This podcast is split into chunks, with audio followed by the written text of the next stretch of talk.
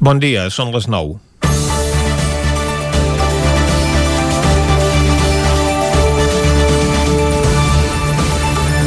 Ahir va tornar a ser un dia de concentracions al carrer a diferents punts del país. En aquest cas no va ser per cap dels motius pels quals la gent se sent empesa a protestar darrerament, sinó per condemnar la detenció del raper Pablo Hassel per complir una condemna de 9 mesos de presó per enaltiment del terrorisme i injúries a la corona en una cançó. Hi va haver aldarulls en diversos punts del país. A Vic, la gentada que es va plegar a protestar va superar les expectatives i els concentrats es van manifestar fins als jutjats i després van anar a la comissaria dels Mossos d'Esquadra on es van provocar destrosses i hi va haver càrregues policials, ferits i detencions. En aquests actes potser també hi té alguna cosa a veure que qui va denunciar la lletra de la cançó que ha portat el primer cantant a presó va ser un funcionari dels Mossos. Els agents havien detingut de matinada Hassel al rectorat de la Universitat de Lleida, on s'havia refugiat amb un grup de persones que li donaven suport després d'esgotar-se el termini que tenia per ingressar voluntàriament a la presó i va ser conduït al centre penitenciari de Lleida per indicació de l'Audiència Nacional.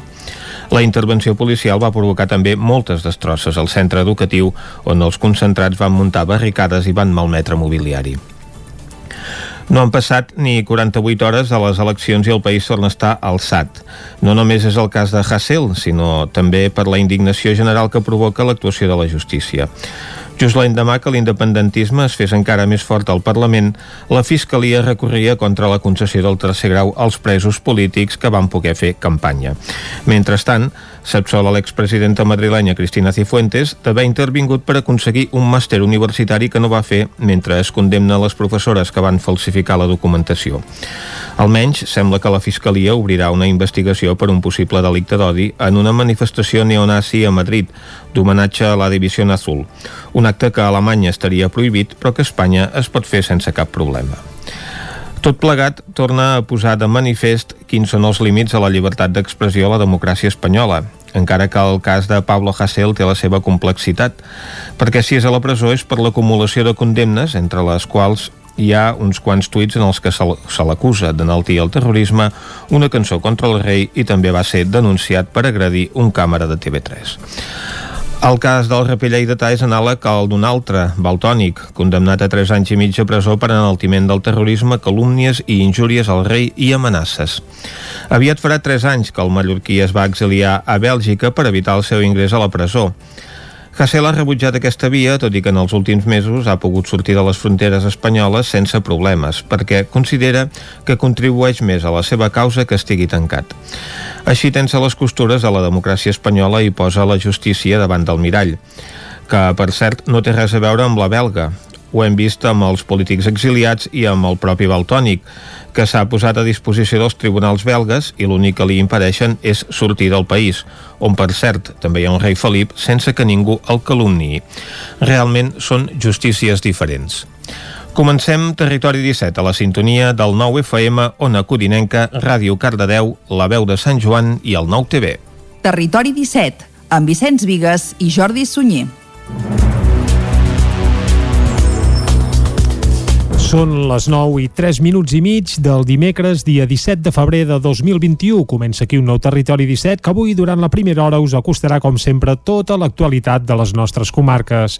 Després, a partir de les 10, les seccions habituals dels dimecres. Com sempre, hi haurà entrevista, tindrem lletra ferits per parlar de literatura, avui amb l'arxiver i historiador Agustí Dalmau, des de la veu de Sant Joan. Eh, també tindrem Territori Sostenible, avui parlarem i coneixerem la Casa de les Abelles a Sant Pere de Torelló i per acabar acabarem fent un repàs a l'agenda cultural per aquest proper cap de setmana marcat encara pel confinament comarcal. I com sempre el que fem ara és arrencar tot fent un repàs a l'actualitat de casa nostra, a les nostres comarques, les comarques del Ripollès, Osona, el Moianès i el Vallès Oriental.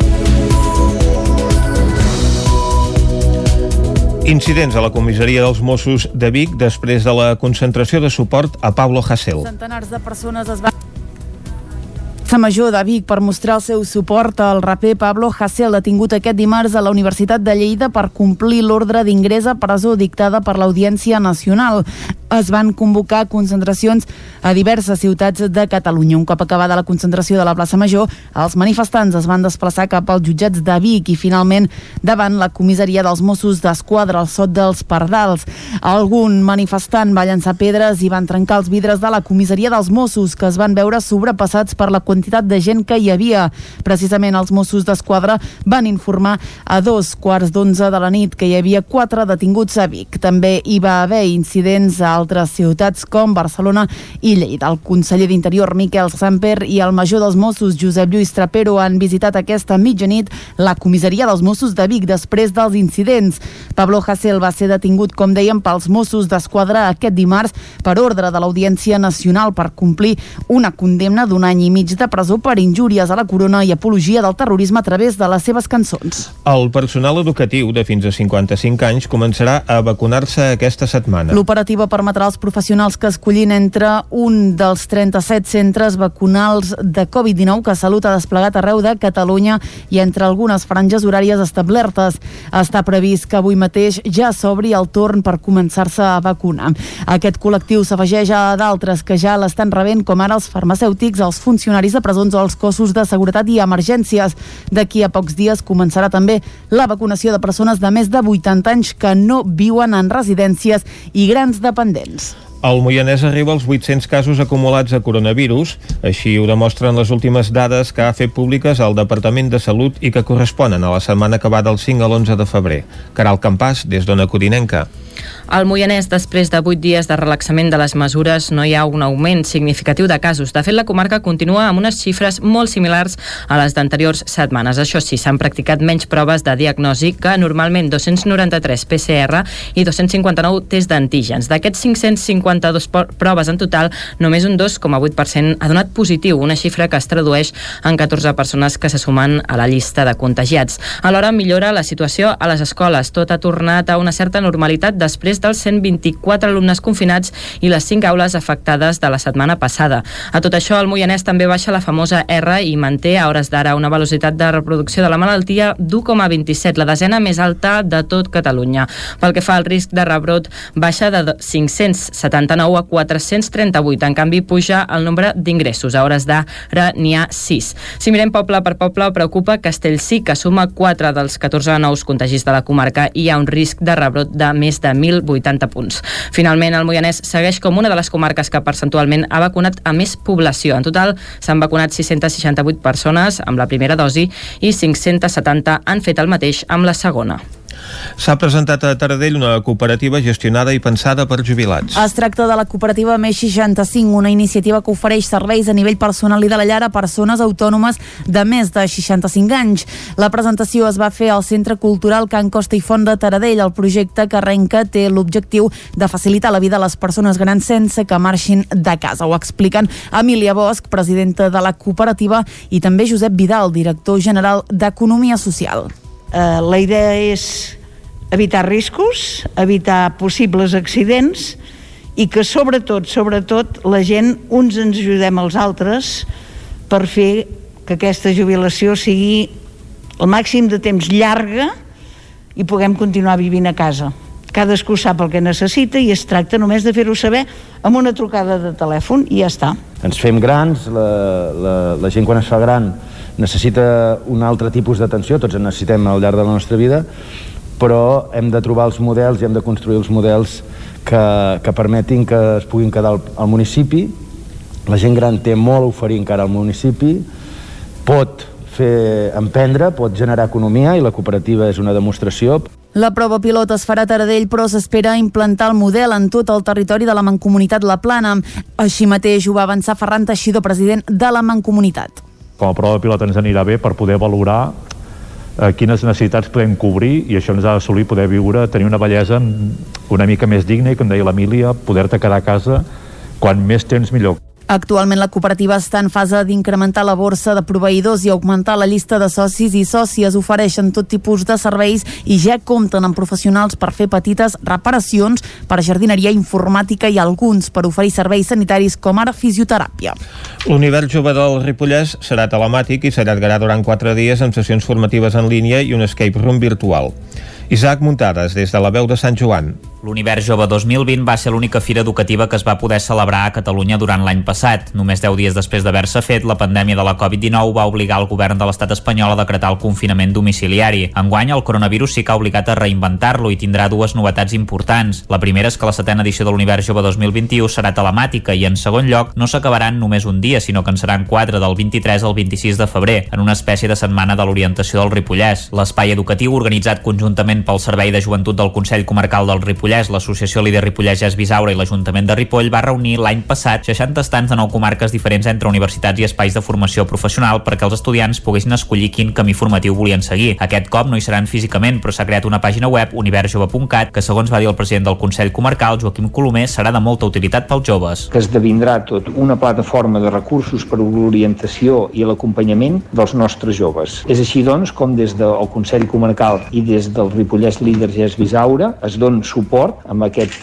jovent de la nostra comarca i tal i com he dit, doncs d'alguna manera eh, assegurar-nos aquest futur de la nostra comarca. A la web es podran seguir una sèrie de sessions formatives de nou universitats o centres on s'imparteixen cicles formatius com són la Universitat Autònoma de Barcelona, la Fundació Eduard Soler, la Universitat de Vic UCC, la Universitat Politècnica de Barcelona, l'Institut Abat Oliva de Ripoll, la Universitat de Girona, l'Institut de la Garrotja, l'Escola Superior de Disseny i d'Arts Plàstiques de Catalunya i l'Institut de Vic. La consellera comarcal d'Ensenyament i Joventut, Mònica Sant Jaume, va detallar com seran aquestes sessions formatives. Diferents sessions uh, orientatives, orientadores, comencen cada dia, n'hi ha de 8 a 10 del matí i al migdia de dos quarts d'una a dos quarts de tres de la tarda. Quina és la finalitat? Doncs es pugui reproduir el màxim de semblant possible el que era venir als estants de l'univers jove, passar per la fira, que els hi poguessin fer l'orientació. Aquest any tot és telemàtic, per tant, hi hauran franges de mitja hora, d'una hora màxim, en les quals explicaran des dels diferents cicles formatius què és el que es desenvolupa allà, quina formació es necessita per entrar i quins són els requisits, tant de cicle formatiu de grau mitjà, cicle formatiu de grau superior, com també l'accés al, al batxillerat. Hi participaran tots els alumnes de les escoles del Ripollès de quart d'ESO i de primer i segon de batxillerat i també uns 3 o 4 centres de fora de la comarca, però en aquest cas una setmana més tard. Els vídeos hi seran durant tot el curs per si algú no els pot veure en directe. A part de les formacions, a la web també hi ha penjats 8 vídeos de joves de la comarca o que hi han estudiat que expliquen la seva experiència formativa. Als vídeos hi apareixen una pastissera, un periodista, un estudiant de magisteri, un ramader o un estudiant de física i matemàtiques. Finalment, el darrer dia del certamen es farà un escape room d'una hora de durada que té com a finalitat trobar els logotips dels diferents centres educatius del Ripollès. Ja fa mesos que es va fer pública la decisió de suspendre el Carnaval de Torelló. Dissabte a les 8 del vespre, quan si no fos per la pandèmia la Rua hagués estat desfilant pels carrers del municipi, es va fer un castell de focs per recordar-ho. Era un dels ingredients previstos per l'organització per recordar la festa de la disbauxa. L'altre era el documental Carrossaires, la màgia de terra endins, que es va estrenar dissabte. Durant 56 minuts es dona veu als representants de les diferents colles per repassar l'evolució de la rua i explicar com es viu la festa des de dins. L'ha produït acte l'entitat organitzadora de la festa. Durant el cap de setmana també s'ha pogut visitar l'exposició retrospectiva Carnaval de Portes Endins, instal·lada en punts emblemàtics per on transcorre el Carnaval. Esports. El Vallèsada Rítmica Cardedeu torna als entrenaments presencials al pavelló municipal després dels canvis en les restriccions sanitàries. David Oladell, de Ràdio Televisió Cardedeu. Des del passat 8 de febrer, el Vallèsada Rítmica Cardedeu ha tornat als entrenaments presencials. Fins ara els entrenaments eren online, mitjançant plataformes de videotrucades per poder dur a terme els exercicis guiats de les entrenadores. Tot i que les gimnastes han seguit fent esport, prefereixen les sessions presencials per poder veure les companyes i tenir més espai alhora per perfeccionar les seves coreografies. Alicia Rodríguez, entrenadora del Vallèsada Rítmica Cardedeu i Paula Gallego, gimnasta. Porque tenemos muchos grupos diferentes, con diferentes niveles y claro, nos tenemos que adaptar al espacio de las gimnastas en su casa. Muchas tenían mucho espacio, pero otras tenían espacio muy limitados. Entonces hemos decidido hacer entrenos, pero a la vez también hacer talleres para que las más pequeñas no se aburran. Hemos hecho taller de maquillaje, taller de diseño de maillots y otros talleres eh, en familia, como por ejemplo los bailes y danzas y, otro tipus de coses. És una mica agobiant perquè no pots estar amb les teves companyes i no pots fer el que tu vols, però bueno, Les competicions de rítmica que no estiguin relacionades amb l'estatal seran online. L'entrenador haurà de quedar un dia entre setmana amb la federació i gravar en directe la coreografia de les gimnastes. Un cop enregistrat el vídeo durant el cap de setmana, quan el jurat hagi rebut els vídeos de tots els equips participants, procediran a dir les guanyadores de cada categoria. Alicia Rodríguez. En principio, las gimnastas federadas tienen programadas las competiciones, eh, hay algunas que serán virtuales y las que dan paso a las competiciones estatales serán presenciales. Si les restriccions ho permeten, el Vallèsà de Rítmica seguirà amb els entrenaments presencials al pavelló municipal de Cardedeu. I fins aquí el butlletí informatiu que us hem ofert amb les veus de Vicenç Vigues, Clàudia Dinarès, David Auladell, Caral Campàs i Isaac Muntades. I ara, com sempre, el que toca a aquesta hora és fer un cop d'ull al temps.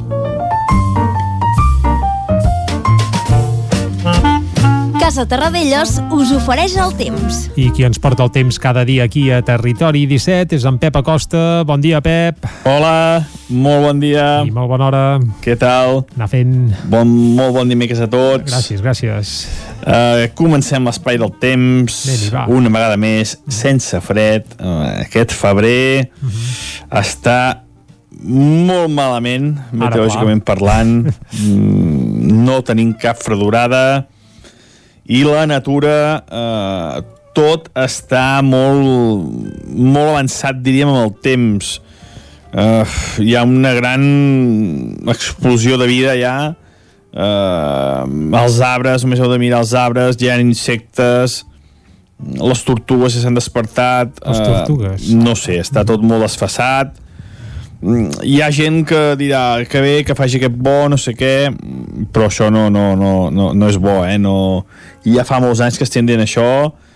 Mm, va més la cosa mm, i una cosa important tots podem col·laborar eh, amb, amb, amb que això no es produeixi. Si, si mica en mica tots anem fent coses eh, per, per intentar que el canvi climàtic no sigui possible per intentar reduir aquest efecte del canvi climàtic eh, ens hi podem posar no, no, no, no és una feina és una feina de cadascú. Si, si ho fem tots una mica de la nostra part segur que tindrà efectes molt positius. Aquest matí, novament, com deia, temperatures per sobre els 5 graus, hi ha moltes poblacions, molta tranquil·litat, vents del sud, eh, sud-est, molt de sol, mm, pocs núvols, ahir ja les temperatures van superar els 15 graus gairebé totes les poblacions, unes temperatures molt, molt desfassades. Mm, no ha glaçat gairebé aquest mes de febrer, jo diria que molt poques, molt poques poblacions ha glaçat durant aquest mes, mm, molt, molt, molt males notícies pel que fa, pel que fa al temps. Uh, avui mm, hi haurà encara més contest tèrmic. Uh, les temperatures mínimes han sigut de 4 a 5 graus a zones més fredes i les màximes poder encara pujar més que ahir. En algun sector uh, ja voltarem els 18-19 graus, inclús no descarto algun 20 a la zona del peritoral més càlides eh, i cap a l'interior Mollanès, Osona Ripollès també estan dels 15 i els 20 eh? per tant unes temperatures molt molt altes hi ha tranquil·litat hi ha anticicló eh, fa sol mm, ahir encara al matí hi havia algun núvol ràpidament es va tancar i el sol va començar a lluir amb força i avui ja no hi ha ni núvols. Això també fa que aquest contrast tèrmic entre dia i nit sigui més, més important. Molt pocs núvols, només algun núvol prim. Hi ha una boira, eh, aquest l'anticicló fa que hi hagi alguna boira més, però vaja, mm, temperatures molt, molt, molt suaus, eh, càlides per l'època de l'any i molt de sol. No, no, no hi ha canvis a la vista. Tota la setmana continuem aquests vents de sud-sud-est. De cara a poder cap de setmana, setmana que ve, hi ha algun petit canvi, mm, però bueno, molt, molt poc, molt poc important.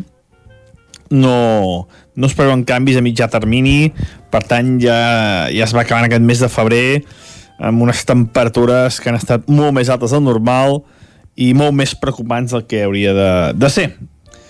I això és tot. Uh, ja demà farem ja un petit avanç al cap de setmana però bueno, mm, no, no, hi ha, no hi ha gaires novetats, eh? segueix aquesta tendència, com deia, de, de vents del sud i de febrer molt, molt més càlid del que hauria de ser normal.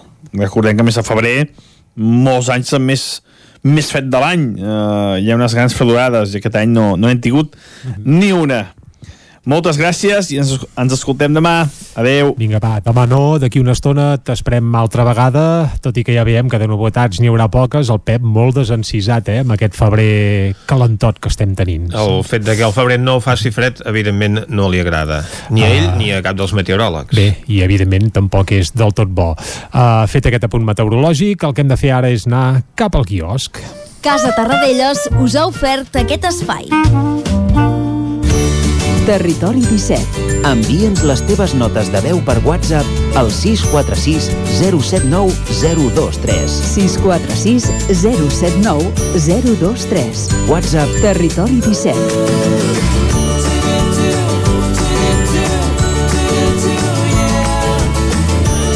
Territori 17. Som a Facebook, Twitter i Instagram amb l'usuari Territori 17.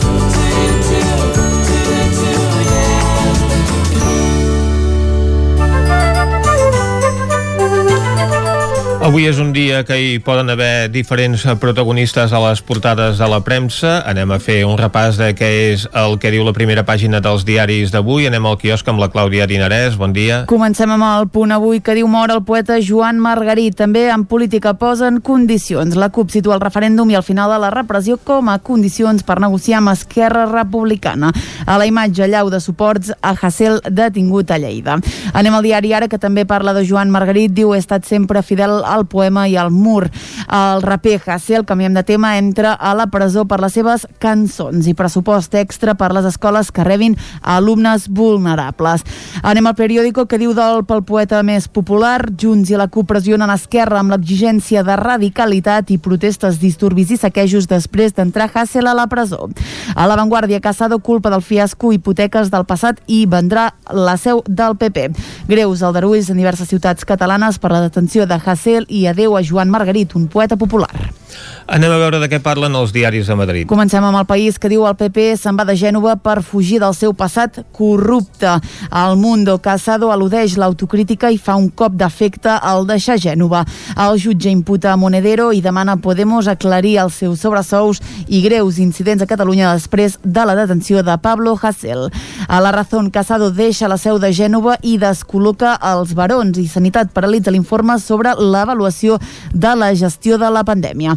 Acabem amb l'ABC que diu el jutge imputa Monedero per cobrar amb una factura falsa. Casado repudia la seu de Gènova.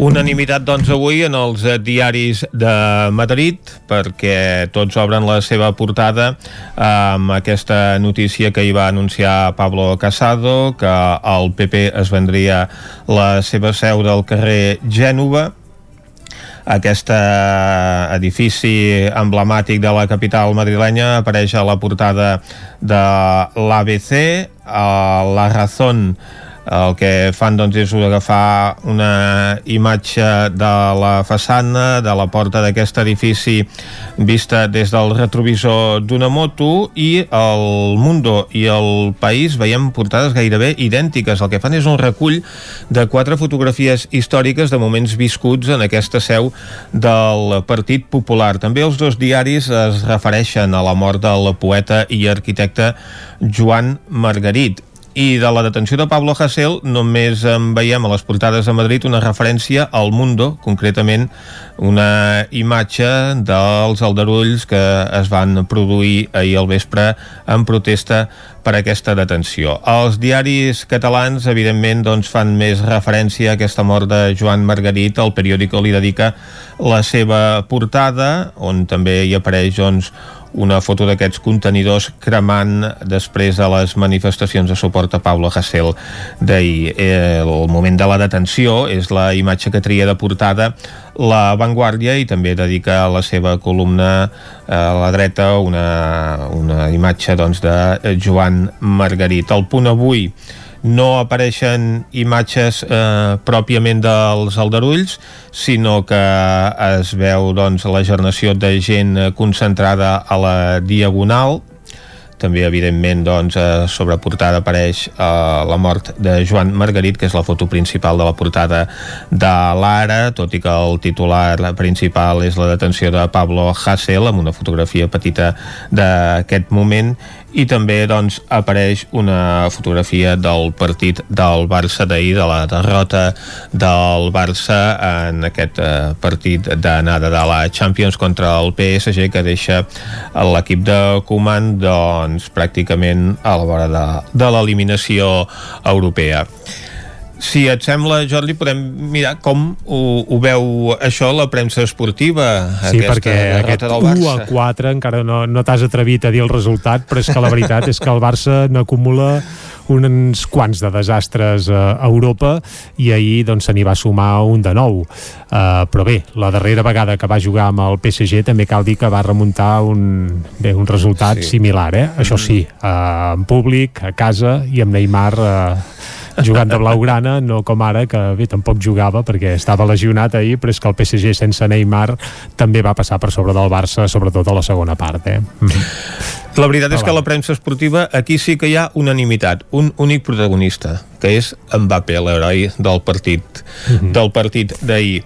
Les... Les... Deixa'm apuntar que si diuen que ha d'anar al Madrid, almenys gràcies al partit d'ahir, suposo que pujaran els, El la cotització i el preu, per tant, mira, ni que sigui per això, eh, ens ho podem agafar en aquest sentit de, bé, anava a dir del, del càntol optimista, diguem-ne, va, uh, diguem-ho així.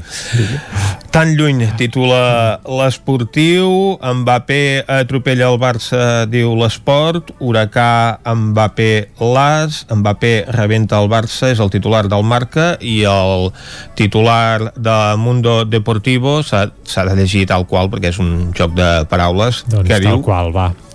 Mbapuleo. Mm, home, eh, una mica forçat, eh? Una mica forçat. Però vaja. Doncs eh, a la premsa esportiva sí que hi ha unanimitat. Mbappé apareix de protagonista de totes les portades. Doncs bé, aviam si d'aquí uns quants dies es produeix el miracle i el Barça és capaç d'aixecar això, però bé, jugant com ahir serà molt complicat. Bé, ja té dues eliminatòries per remuntar. Exacte. doncs després d'aquest repàs als titulars de la premsa, tanquem aquí aquest repàs informatiu.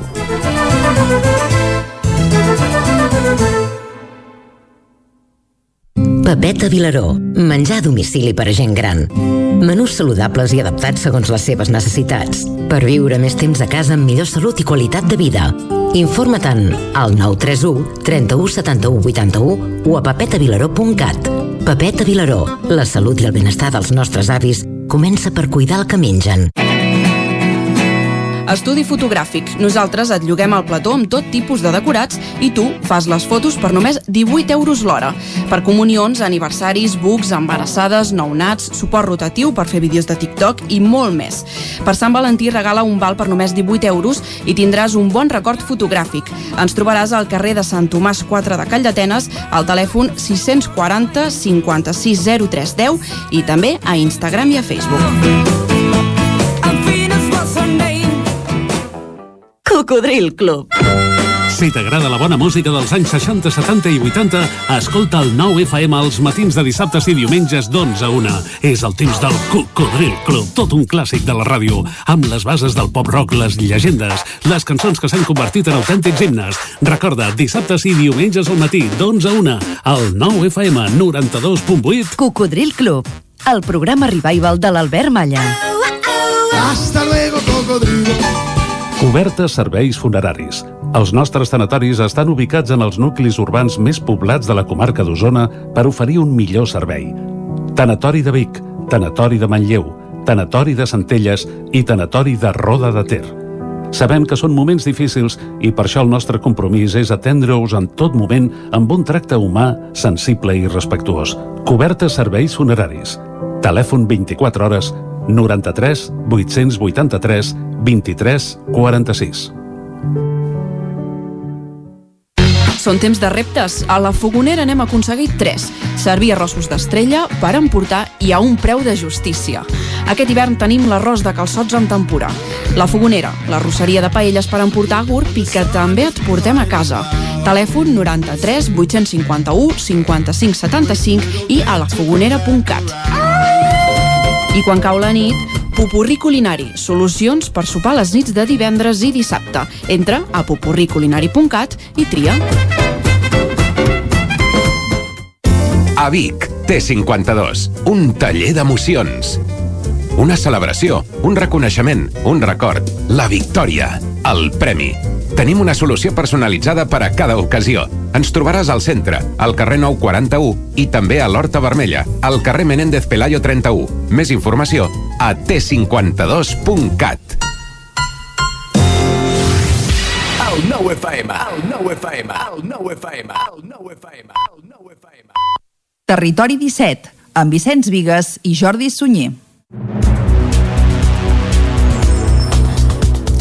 Dos quarts de deu en punt d'avui dimecres, dia 17 de febrer de 2021. Seguim en directe aquí a Territori 17 i de seguida us acostarem de nou tota l'actualitat de les nostres comarques. Després, a partir de les 10, un nou butlletí informatiu. A l'entrevista parlarem, anirem vaja cap a Ona Codinenca per parlar de la privatització d'un espai que es vol dur a terme a Caldes de Montbui. En parlarem i en coneixerem els detalls aquí a Territori 17. Avui també és dimecres i per tant parlarem de literatura ho farem al Lletra Ferits, al Lletra Ferits conversant amb Agustí Dalmau, arxiver i historiador del Ripollès.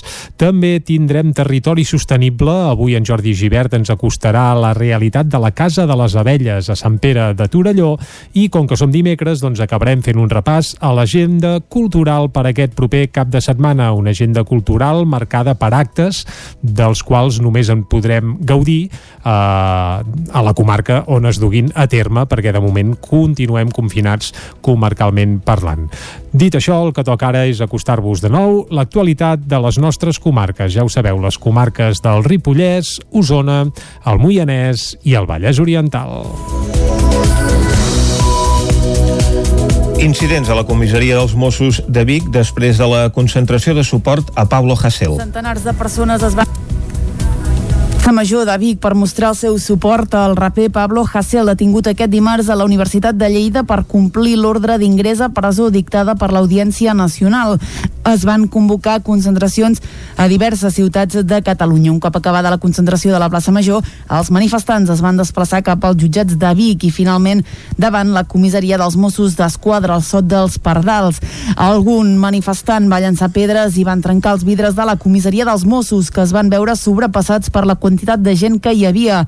Precisament els Mossos d'Esquadra van informar a dos quarts d'onze de la nit que hi havia quatre detinguts a Vic. També hi va haver incidents a altres ciutats com Barcelona i Lleida. El conseller d'Interior Miquel Samper i el major dels Mossos Josep Lluís Trapero han visitat aquesta mitjanit la comissaria dels Mossos de Vic després dels incidents. Pablo Hasél va ser detingut, com dèiem, pels Mossos d'Esquadra aquest dimarts per ordre de l'Audiència Nacional per complir una condemna d'un any i mig de presó per injúries a la corona i apologia del terrorisme a través de les seves cançons. El personal educatiu de fins a 55 anys començarà a vacunar-se aquesta setmana. L'operativa permetrà als professionals que escollin entre un dels 37 centres vacunals de Covid-19 que Salut ha desplegat arreu de Catalunya i entre algunes franges horàries establertes. Està previst que avui mateix ja s'obri el torn per començar-se a vacunar. Aquest col·lectiu s'afegeix a d'altres que ja l'estan rebent, com ara els farmacèutics, els funcionaris de presons o els cossos de seguretat i emergències. D'aquí a pocs dies començarà també la vacunació de persones de més de 80 anys que no viuen en residències i grans dependents. El Moianès arriba als 800 casos acumulats de coronavirus, així ho demostren les últimes dades que ha fet públiques el Departament de Salut i que corresponen a la setmana que va del 5 a l'11 de febrer. Caral Campàs, des d'Ona Codinenca. Al Moianès, després de 8 dies de relaxament de les mesures, no hi ha un augment significatiu de casos. De fet, la comarca continua amb unes xifres molt similars a les d'anteriors setmanes. Això sí, s'han practicat menys proves de diagnosi que normalment 293 PCR i 259 test d'antígens. D'aquests 550 52 proves en total, només un 2,8% ha donat positiu, una xifra que es tradueix en 14 persones que se sumen a la llista de contagiats. Alhora millora la situació a les escoles. Tot ha tornat a una certa normalitat després dels 124 alumnes confinats i les 5 aules afectades de la setmana passada. A tot això, el Moianès també baixa la famosa R i manté a hores d'ara una velocitat de reproducció de la malaltia d'1,27, la desena més alta de tot Catalunya. Pel que fa al risc de rebrot, baixa de 570 79 a 438. En canvi, puja el nombre d'ingressos. A hores d'ara n'hi ha 6. Si mirem poble per poble, preocupa Castellcí, que suma 4 dels 14 nous contagis de la comarca i hi ha un risc de rebrot de més de 1.080 punts. Finalment, el Moianès segueix com una de les comarques que percentualment ha vacunat a més població. En total, s'han vacunat 668 persones amb la primera dosi i 570 han fet el mateix amb la segona. S'ha presentat a Taradell una cooperativa gestionada i pensada per jubilats. Es tracta de la cooperativa Més 65, una iniciativa que ofereix serveis a nivell personal i de la llar a persones autònomes de més de 65 anys. La presentació es va fer al Centre Cultural Can Costa i Font de Taradell. El projecte que arrenca té l'objectiu de facilitar la vida a les persones grans sense que marxin de casa. Ho expliquen Emília Bosch, presidenta de la cooperativa, i també Josep Vidal, director general d'Economia Social. Uh, la idea és evitar riscos, evitar possibles accidents i que sobretot, sobretot, la gent uns ens ajudem als altres per fer que aquesta jubilació sigui el màxim de temps llarga i puguem continuar vivint a casa. Cadascú sap el que necessita i es tracta només de fer-ho saber amb una trucada de telèfon i ja està. Ens fem grans, la, la, la gent quan es fa gran necessita un altre tipus d'atenció, tots en necessitem al llarg de la nostra vida, però hem de trobar els models i hem de construir els models que, que permetin que es puguin quedar al, al municipi. La gent gran té molt a oferir encara al municipi, pot fer emprendre, pot generar economia i la cooperativa és una demostració. La prova pilot es farà a Taradell, però s'espera implantar el model en tot el territori de la Mancomunitat La Plana. Així mateix ho va avançar Ferran Teixidor, president de la Mancomunitat com a prova pilot ens anirà bé per poder valorar eh, quines necessitats podem cobrir i això ens ha d'assolir poder viure, tenir una bellesa una mica més digna i com deia l'Emília, poder-te quedar a casa quan més temps millor. Actualment la cooperativa està en fase d'incrementar la borsa de proveïdors i augmentar la llista de socis i sòcies. Ofereixen tot tipus de serveis i ja compten amb professionals per fer petites reparacions, per jardineria informàtica i alguns per oferir serveis sanitaris com ara fisioteràpia. L'univers jove del Ripollès serà telemàtic i s'allargarà durant quatre dies amb sessions formatives en línia i un escape room virtual. Isaac Muntades, des de la veu de Sant Joan. L'Univers Jove 2020 va ser l'única fira educativa que es va poder celebrar a Catalunya durant l'any passat. Només 10 dies després d'haver-se fet, la pandèmia de la Covid-19 va obligar el govern de l'estat espanyol a decretar el confinament domiciliari. Enguany, el coronavirus sí que ha obligat a reinventar-lo i tindrà dues novetats importants. La primera és que la setena edició de l'Univers Jove 2021 serà telemàtica i, en segon lloc, no s'acabaran només un dia, sinó que en seran quatre del 23 al 26 de febrer, en una espècie de setmana de l'orientació del Ripollès. L'espai educatiu, organitzat conjuntament pel Servei de Joventut del Consell Comarcal del Ripollès, Ripollès, l'Associació Líder Ripollès Ges Bisaura i l'Ajuntament de Ripoll va reunir l'any passat 60 estants de nou comarques diferents entre universitats i espais de formació professional perquè els estudiants poguessin escollir quin camí formatiu volien seguir. Aquest cop no hi seran físicament, però s'ha creat una pàgina web, universjove.cat, que segons va dir el president del Consell Comarcal, Joaquim Colomer, serà de molta utilitat pels joves. Que esdevindrà tot una plataforma de recursos per a l'orientació i l'acompanyament dels nostres joves. És així, doncs, com des del Consell Comarcal i des del Ripollès Líder Ges Bisaura es dona suport amb aquest jovent de la nostra comarca i tal i com he dit, doncs d'alguna manera eh, assegurar-nos aquest futur de la nostra comarca. A la web es podran seguir una sèrie de sessions formatives de nou universitats o centres on s'imparteixen cicles formatius com són la Universitat Autònoma de Barcelona, la Fundació Eduard Soler, la Universitat de Vic UCC, la Universitat Politècnica de Barcelona, l'Institut Abat Oliva de Ripoll, la Universitat de Girona, l'Institut de la Garrotja, l'Escola Superior de Disseny i d'Arts Plàstiques de Catalunya i l'Institut de Vic. La consellera comarcal d'Ensenyament i Joventut, Mònica Sant Jaume, va detallar com seran aquestes sessions formatives. Diferents sessions uh, orientatives, orientadores, comencen cada dia, n'hi ha de 8 a 10 del matí i al migdia de dos quarts d'una a dos quarts de tres de la tarda. Quina és la finalitat? Doncs es pugui reproduir el màxim de semblant possible el que era venir als estants de l'univers jove, passar per la fira, que els hi poguessin fer l'orientació. Aquest any tot és telemàtic, per tant, hi hauran franges de mitja hora, d'una hora màxim, en les quals explicaran des dels diferents cicles formatius què és el que es desenvolupa allà, quina formació es necessita per entrar i quins són els requisits, tant de cicle formatiu de grau mitjà, cicle formatiu de grau superior, com també l'accés al, al batxillerat. Hi participaran tots els alumnes de les escoles del Ripollès de quart d'ESO i de primer i segon de batxillerat i també uns 3 o 4 centres de fora de la comarca, però en aquest cas una setmana més tard. Els vídeos hi seran durant tot el curs per si algú no els pot veure en directe. A part de les formacions, a la web també hi ha penjats 8 vídeos de joves de la comarca o que hi han estudiat que expliquen les seva experiència formativa. Als vídeos hi apareixen una pastissera, un periodista, un estudiant de magisteri, un ramader o un estudiant de física i matemàtiques. Finalment, el darrer dia del certamen es farà un escape room d'una hora de durada que té com a finalitat trobar els logotips dels diferents centres educatius del Ripollès. Ja fa mesos que es va fer pública la decisió de suspendre el Carnaval de Torelló. Dissabte a les 8 del vespre, quan si no fos per la pandèmia la Rua hagués estat desfilant pels carrers del municipi, es va fer un castell de focs per recordar-ho. Era un dels ingredients previstos per l'organització per recordar la festa de la disbauxa. L'altre era el documental Carrossaires, la màgia de terra endins, que es va estrenar dissabte. Durant 56 minuts es dona veu als representants de les diferents colles per repassar l'evolució de la Rua i explicar com es viu la festa des de dins. L'ha produït acte l'entitat organitzadora de la festa. Durant el cap de setmana també s'ha pogut visitar l'exposició retrospectiva Carnaval de Portes Endins, instal·lada en punts emblemàtics per on transcorre el Carnaval. Esports. El Ballesada Rítmica Cardedeu torna als entrenaments presencials al pavelló municipal després dels canvis en les restriccions sanitàries. David Oladell, de Ràdio Televisió Cardedeu. Des del passat 8 de febrer, el Ballesada Rítmica Cardedeu ha tornat als entrenaments presencials. Fins ara els entrenaments eren online, mitjançant plataformes de videotrucades per poder dur a terme els exercicis guiats de les entrenadores. Tot i que les gimnastes han seguit fent esport, prefereixen les sessions presencials per poder veure les companyes i tenir més espai alhora per perfeccionar les seves coreografies. Alicia Rodríguez, entrenadora del Ballesada Rítmica Cardedeu i Paula Gallego, gimnasta. Porque tenemos muchos grupos diferentes, con diferentes niveles y claro, nos tenemos que adaptar al espacio de las gimnastas en su casa. Muchas tenían mucho espacio, pero otras tenían espacios muy limitados.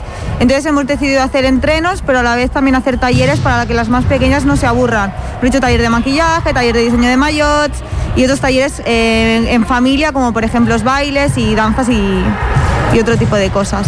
És una mica agobiant perquè no pots estar amb les teves companyes i no pots fer el que tu vols, però bueno, Les competicions de rítmica que no estiguin relacionades amb l'estatal seran online. L'entrenador haurà de quedar un dia entre setmana amb la federació i gravar en directe la coreografia de les gimnastes.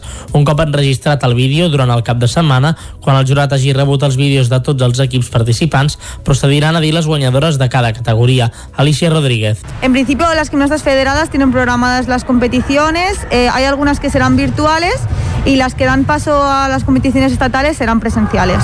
Si les restriccions ho permeten, el Ballesà de Rítmica seguirà amb els entrenaments presencials al pavelló municipal de Cardedeu.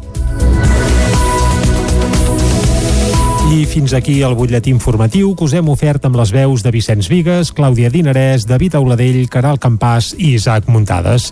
I ara, com sempre, el que toca a aquesta hora és fer un cop d'ull al temps.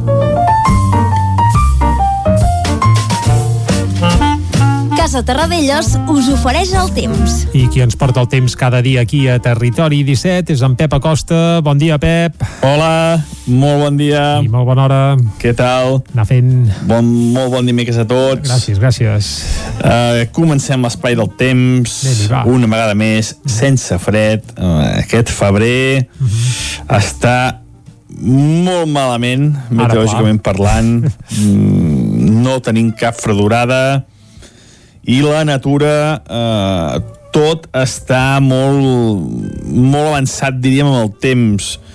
Eh, hi ha una gran explosió de vida ja eh, els arbres, només heu de mirar els arbres hi ha insectes les tortugues s'han despertat Les tortugues? eh, no sé, està tot molt desfassat hi ha gent que dirà que bé, que faci aquest bo, no sé què mm, però això no, no, no, no, no és bo eh? no... I ja fa molts anys que estem dient això. Mm, va més la cosa mm, i una cosa important tots podem col·laborar eh, amb, amb, amb que això no es produeixi. Si, si mica en mica tots anem fent coses eh, per, per intentar que el canvi climàtic no sigui possible per intentar reduir aquest efecte del canvi climàtic eh, ens hi podem posar no, no, no, no és una feina és una feina de cadascú. Si, si ho fem tots una mica de la nostra part segur que tindrà efectes molt positius. Aquest matí, novament, com deia, temperatures per sobre els 5 graus hi ha moltes poblacions, molta tranquil·litat, vents del sud, eh, sud-est, molt de sol, mm, pocs núvols, ahir ja les temperatures van superar els 15 graus gairebé totes les poblacions. Unes temperatures molt molt desfassades. Mm, no ha glaçat gairebé aquest mes de febrer. Jo diria que molt poques, molt poques poblacions ha glaçat durant aquest mes. Mm, molt, molt, molt males notícies pel que fa pel que fa al temps. Uh, avui mm, hi haurà encara més contest tèrmic. Uh, les temperatures mínimes han sigut de 4 a 5 graus a zones més fredes i les màximes poder encara pujar més que ahir. en algun sector uh, ja voltarem els 18-19 graus, inclús no descarto algun 20 a la zona del peritoral més càlides eh, i cap a l'interior Mollanès, Osona Ripollès també estan entre els 15 i els 20 eh? per tant les temperatures molt molt altes hi ha tranquil·litat hi ha anticicló eh, fa sol mm, ahir encara al matí hi havia algun núvol ràpidament es va tancar i el sol va començar a lluir amb força i avui ja no hi ha ni núvols. Això també fa que aquest contrast tèrmic entre dia i nit sigui més, més important. Molt pocs núvols, més algun núvol prim, hi ha una boira, eh, l'anticicló fa que hi hagi una boira més, però vaja, mm, temperatures molt, molt, molt suaus, eh, càlides per l'època de l'any, i molt de sol. No, no, no hi ha canvis a la vista. Tota la setmana continuem aquests vents de sud-sud-est. De cara a poder cap de setmana, setmana que ve, hi ha un petit canvi, però bueno, molt, molt poc, molt poc important. No, no es preveuen canvis a mitjà termini, per tant ja, ja es va acabant aquest mes de febrer amb unes temperatures que han estat molt més altes del normal, i molt més preocupants del que hauria de, de ser. I això és tot. Uh, ja demà farem ja un petit abans del cap de setmana, però bueno, mm, no, no, hi, ha, no hi ha gaires novetats. Eh? Segueix aquesta tendència, com deia, de, de vents del sud i de febrer molt, molt més càlid del que hauria de ser normal. Recordem que a més de febrer molts anys són més, més fet de l'any. Uh, hi ha unes grans fredurades i aquest any no, no hem tingut uh -huh. ni una. Moltes gràcies i ens, ens escoltem demà. Adeu. Vinga, va, demà no, d'aquí una estona t'esperem altra vegada, tot i que ja veiem que de novetats n'hi haurà poques, el Pep molt desencisat, eh, amb aquest febrer calentot que estem tenint. El fet de que el febrer no faci fred, evidentment, no li agrada. Ni a ell, uh, ni a cap dels meteoròlegs. Bé, i evidentment tampoc és del tot bo. Uh, fet aquest apunt meteorològic, el que hem de fer ara és anar cap al quiosc. Casa Tarradellas us ha ofert aquest espai. Territori 17. Envia'ns les teves notes de veu per WhatsApp al 646 079 023. 646 079 023. WhatsApp Territori 17.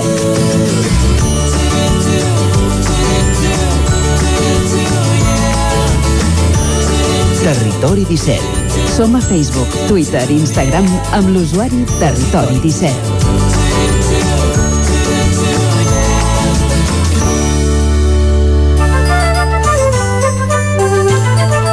Avui és un dia que hi poden haver diferents protagonistes a les portades de la premsa. Anem a fer un repàs de què és el que diu la primera pàgina dels diaris d'avui. Anem al quiosc amb la Clàudia Dinarès. Bon dia. Comencem amb el punt avui que diu mort el poeta Joan Margarit. També en política posen condicions. La CUP situa el referèndum i el final de la repressió com a condicions per negociar amb Esquerra Republicana. A la imatge llau de suports a Hassel detingut a Lleida. Anem al diari Ara que també parla de Joan Margarit. Diu he estat sempre fidel al poema i al mur. El raper Hassel, canviem de tema, entra a la presó per les seves cançons i pressupost extra per les escoles que rebin alumnes vulnerables. Anem al periòdico que diu del pel poeta més popular, Junts i la CUP pressionen Esquerra amb l'exigència de radicalitat i protestes, disturbis i saquejos després d'entrar Hassel a la presó. A l'avantguàrdia, Casado culpa del fiasco hipoteques del passat i vendrà la seu del PP. Greus aldarulls en diverses ciutats catalanes per la detenció de Hassel i adeu a Joan Margarit, un poeta popular. Anem a veure de què parlen els diaris de Madrid. Comencem amb el país que diu el PP se'n va de Gènova per fugir del seu passat corrupte. El Mundo Casado al·ludeix l'autocrítica i fa un cop d'efecte al deixar Gènova. El jutge imputa a Monedero i demana a Podemos aclarir els seus sobresous i greus incidents a Catalunya després de la detenció de Pablo Hasél. A la Razón, Casado deixa la seu de Gènova i descol·loca els barons i Sanitat paralitza l'informe sobre l'avaluació de la gestió de la pandèmia. Acabem amb l'ABC que diu el jutge imputa Monedero per cobrar amb una factura falsa. Casado repudia la seu de Gènova. Unanimitat, doncs, avui en els diaris de Madrid, perquè tots obren la seva portada amb aquesta notícia que hi va anunciar Pablo Casado, que el PP es vendria la seva seu del carrer Gènova, aquest edifici emblemàtic de la capital madrilenya apareix a la portada de l'ABC, a La Razón el que fan doncs, és agafar una imatge de la façana de la porta d'aquest edifici vista des del retrovisor d'una moto i el Mundo i el País veiem portades gairebé idèntiques. El que fan és un recull de quatre fotografies històriques de moments viscuts en aquesta seu del Partit Popular. També els dos diaris es refereixen a la mort del poeta i arquitecte Joan Margarit i de la detenció de Pablo Hasél només en veiem a les portades de Madrid una referència al Mundo, concretament una imatge dels aldarulls que es van produir ahir al vespre en protesta per aquesta detenció. Els diaris catalans, evidentment, doncs, fan més referència a aquesta mort de Joan Margarit. El periòdico li dedica la seva portada, on també hi apareix doncs, una foto d'aquests contenidors cremant després de les manifestacions de suport a Pablo Hasél d'ahir. El moment de la detenció és la imatge que tria de portada la Vanguardia i també dedica a la seva columna a la dreta una, una imatge doncs, de Joan Margarit. El punt avui no apareixen imatges eh, pròpiament dels aldarulls, sinó que es veu doncs, la generació de gent concentrada a la Diagonal, també evidentment doncs, a sobre portada apareix eh, la mort de Joan Margarit que és la foto principal de la portada de l'Ara, tot i que el titular principal és la detenció de Pablo Hasél amb una fotografia petita d'aquest moment i també doncs, apareix una fotografia del partit del Barça d'ahir, de la derrota del Barça en aquest eh, partit d'anada de la Champions contra el PSG que deixa l'equip de Koeman doncs, pràcticament a la vora de, de l'eliminació europea si et sembla, Jordi, podem mirar com ho, ho veu això la premsa esportiva. Sí, perquè aquest 1 a 4 encara no, no t'has atrevit a dir el resultat, però és que la veritat és que el Barça n'acumula uns quants de desastres a Europa i ahir doncs se n'hi va sumar un de nou. Uh, però bé, la darrera vegada que va jugar amb el PSG també cal dir que va remuntar un, bé, un resultat sí. similar, eh? Això sí, uh, en públic, a casa i amb Neymar uh, jugant de blaugrana, no com ara, que bé, tampoc jugava perquè estava lesionat ahir, però és que el PSG sense Neymar també va passar per sobre del Barça, sobretot a la segona part, eh? La veritat és que la premsa esportiva aquí sí que hi ha unanimitat, un únic protagonista, que és Mbappé, l'heroi del partit mm -hmm. del partit d'ahir. Les... Deixa'm apuntar que si diuen que ha d'anar al Madrid, almenys gràcies al partit d'ahir, suposo que pujaran els, el la cotització i el preu, per tant, mira, ni que sigui per això, ens ho podem agafar en aquest sentit de, bé, anava a dir del, del càntol optimista, diguem-ne, va, uh, diguem-ho així. Tan lluny, titula l'esportiu, Mbappé atropella el Barça, diu l'esport, Huracà, Mbappé, l'As, Mbappé rebenta el Barça, és el titular del Marca, i el titular de Mundo Deportivo s'ha de llegir tal qual, perquè és un joc de paraules, doncs que tal diu... qual, va. Mbapuleo. Mm, home, eh, una mica forçat, eh? Una mica forçat. que vaja. Doncs eh, a la premsa esportiva sí que hi ha unanimitat. Mbappé apareix de protagonista de totes les portades. Bé, doncs és el que hi ha. Sí, sí. Va ser una, una altra nit negra, ja ho hem dit bé prou, una altra nit negra en la història del Barça a la Champions, que els darrers anys, bé, és que fa 4 dies d'aquest 2 a 8, divideixes per 2 i et surt un 1 a 4. Uh -huh. Per tant, estem una mica on érem, eh? Qui sap si serà aquest l'últim partit de Messi al Camp Nou en competició europea? Mm, vés a saber. Ah. Jo crec que és bastant possible que fos el darrer partit no només de Messi en competició europea al Camp Nou. Però bé, això ja, això ja es veurà. Això dependrà del president que entri. Uh, també, també, també. Però, escolta, jo tampoc descartaria, és que el món del futbol està tan boig que de, de vegades eh, hi ha sorpreses. Vull dir que a París poden passar coses també, eh? Oh, i tant, sí, sí, tant de bo. Clar, vull dir, potser aquell dia algú uh, s'il·lumina com ahir es va il·luminar l'Mbappé i fa 3 o 4 gols i 4-0, ho hauríem per de deixar. exemple, jo sent del PSG tampoc aniria gaire Confiat. gaire confiat que seran vistes de tots colors però vaja, sí que és cert que el regust que, que et queda després d'haver paït el, el el partit d'ahir doncs és, és una mica marc perquè és veritat que aquest Barça quan s'ha d'enfrontar amb equips que hi van doncs li costa molt, molt, molt, molt, molt. Però bé, deixem el tema esportiu, sí, i portem, posem-nos una mica més alegres, tot i que la cançó que portem avui també té un aire una mica nostàlgic i apagadot, més que res perquè avui estrenarem una peça d'en Llongue. I ara Què diràs, dius? qui és en Llongue?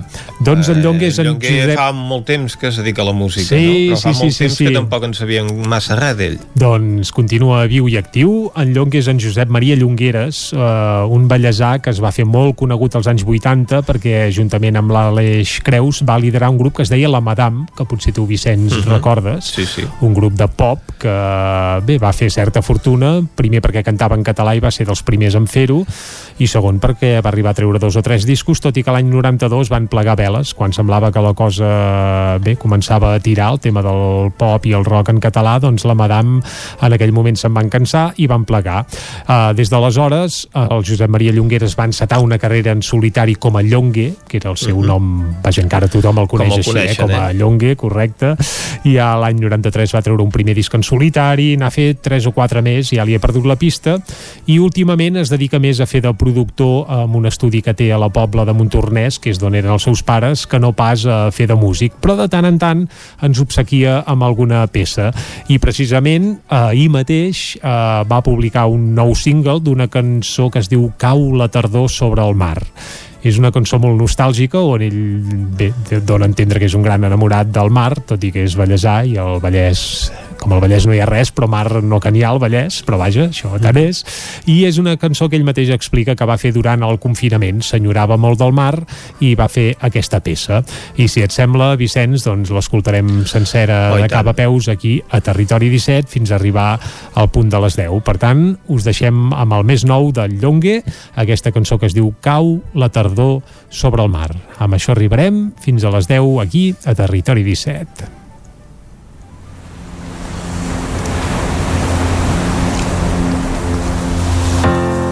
Cau la tardor sobre el mar.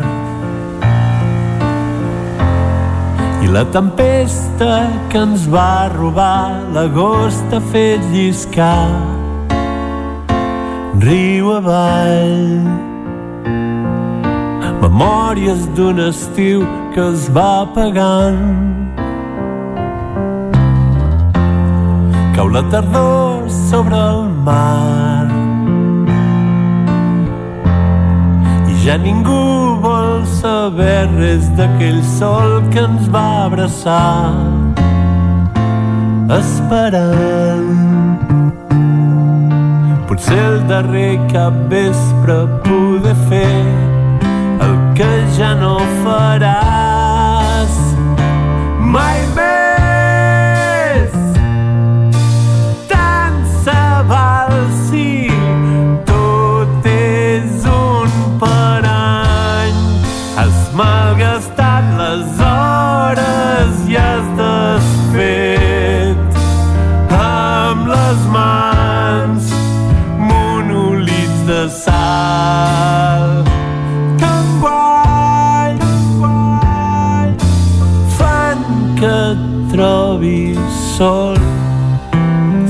amb un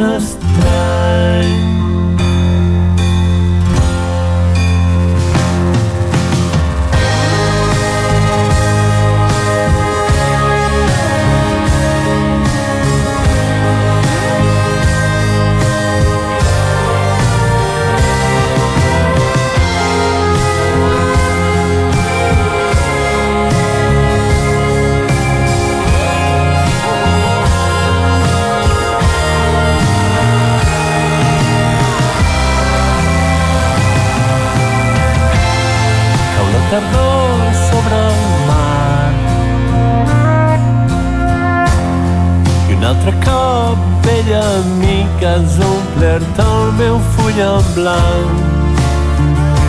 I mai no és tard. Malgrat crec que mai més tornaré a estar tan a prop del mar. Tan a prop del mar. Tan a prop del mar yeah, yeah tan a prop del mar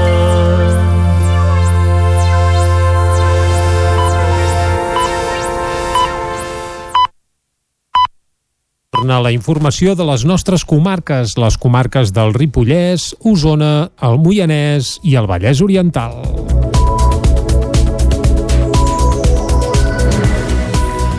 Els propietaris del Mas Serrabou de Tavernoles continuen treballant per esbrinar l'autoria de l'atac d'uns gossos que es va saldar amb 221 xais morts. Deu dies després de l'atac d'uns gossos al ramat de Massa Rebou, els propietaris de la granja continuen esbrinant l'autoria dels fets. L'episodi es va saldar amb 221 xais morts, un fet inèdit fins ara al poble.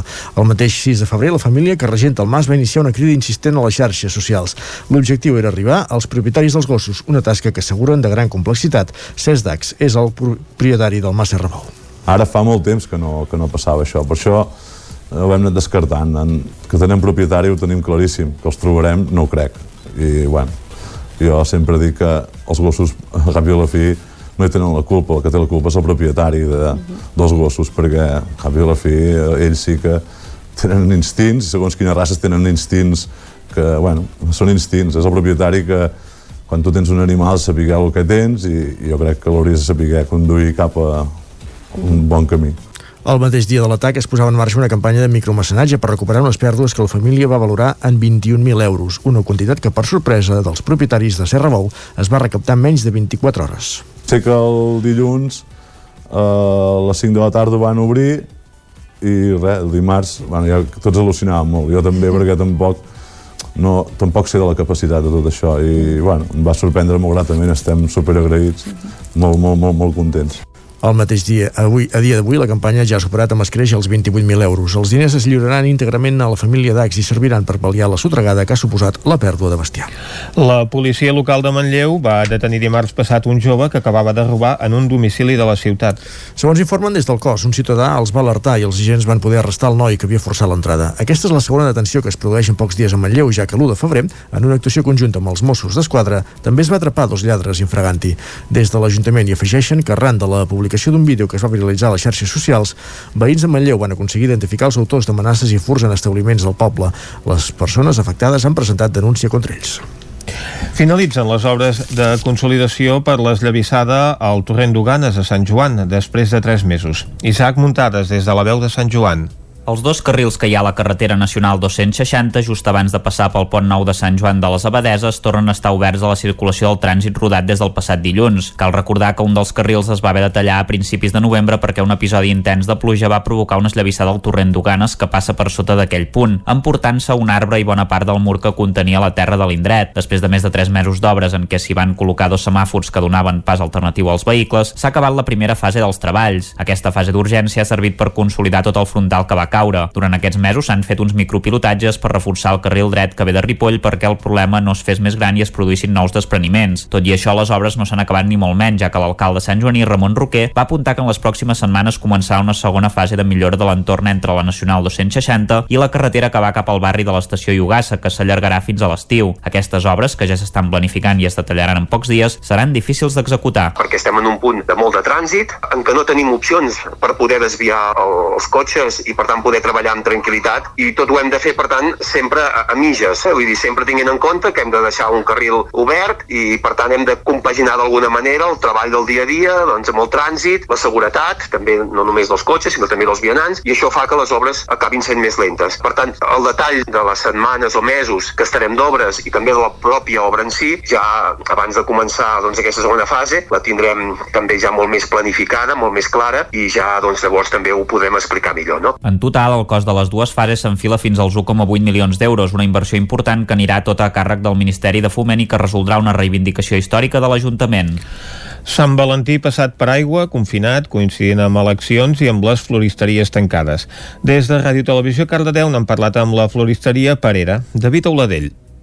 Aquesta és la situació dels floristes de tot Catalunya, que perden una altra campanya important de l'any. Tot i això, divendres els va arribar algunes de les empreses del gremi que sí que podien obrir els establiments durant aquest cap de setmana i alguns encara no sabien si el document era oficial o no. Se l'han volgut creure. Anna Parera, de la floristeria Parera. Nosaltres, en principi, no podíem obrir els caps de setmana, llavors era impossible. Però el divendres vam rebre un, un document que ens deien que aquest cap de setmana podíem obrir les floristeries. Realment, si sóc sincera, no sé si és oficial o no, però ens hi, jo m'hi he agafat en aquest, en aquest document. De totes formes, encara que no poguéssim tenir obert, sí que podíem treballar porta tancada, anar a repartir domicili i la gent que vingués a buscar encàrrecs que havia fet prèviament per WhatsApp, per telèfon o així. Tot i això ha estat complicat saber quins productes encarregar perquè el preu de la flor ha pujat molt i en aquest any atípic de la Covid-19 segueix sent tot una incertesa perquè no saben quina quantitat compraran ni quants encàrrecs tindran. De fet, a la floristeria Parera van començar a rebre comandes dijous, sense saber si s'haurien de quedar amb part del producte o el vendrien tot, però a les 11 del matí ja tenien tota la flor venuda. Els alumnes de primer de batxillerat de l'Escola Pia de Caldes de Montbui recullen aliments pel rebost solidari de la població. Caral Campàs, des d'Ona Codinenca. Des del passat divendres i fins al d'aquesta setmana, l'Escola Pia de Caldes ha impulsat una campanya de recollida d'aliments amb coordinació amb l'Ajuntament. Els productes que s'apleguin al llarg d'aquesta setmana es destinaran al rebost solidari que posteriorment s'encarregarà de distribuir-los a les persones més econòmicament vulnerables de la vila. Paula Peris és l'alumna de primer de batxillerat científic, el grup que ha impulsat la campanya. A informació sobre els aliments que eren més necessaris i ens van dir que uh, la llet, l'arròs, l'oli, el sucre i el caldo eren els aliments més necessaris o almenys els més pràctics per poder fer la distribució. Llavors doncs, uh, vam arribar a la conclusió que podíem fer una campanya on bàsicament recollíssim aquests aliments en la major quantitat possible i després fer-ne una distribució.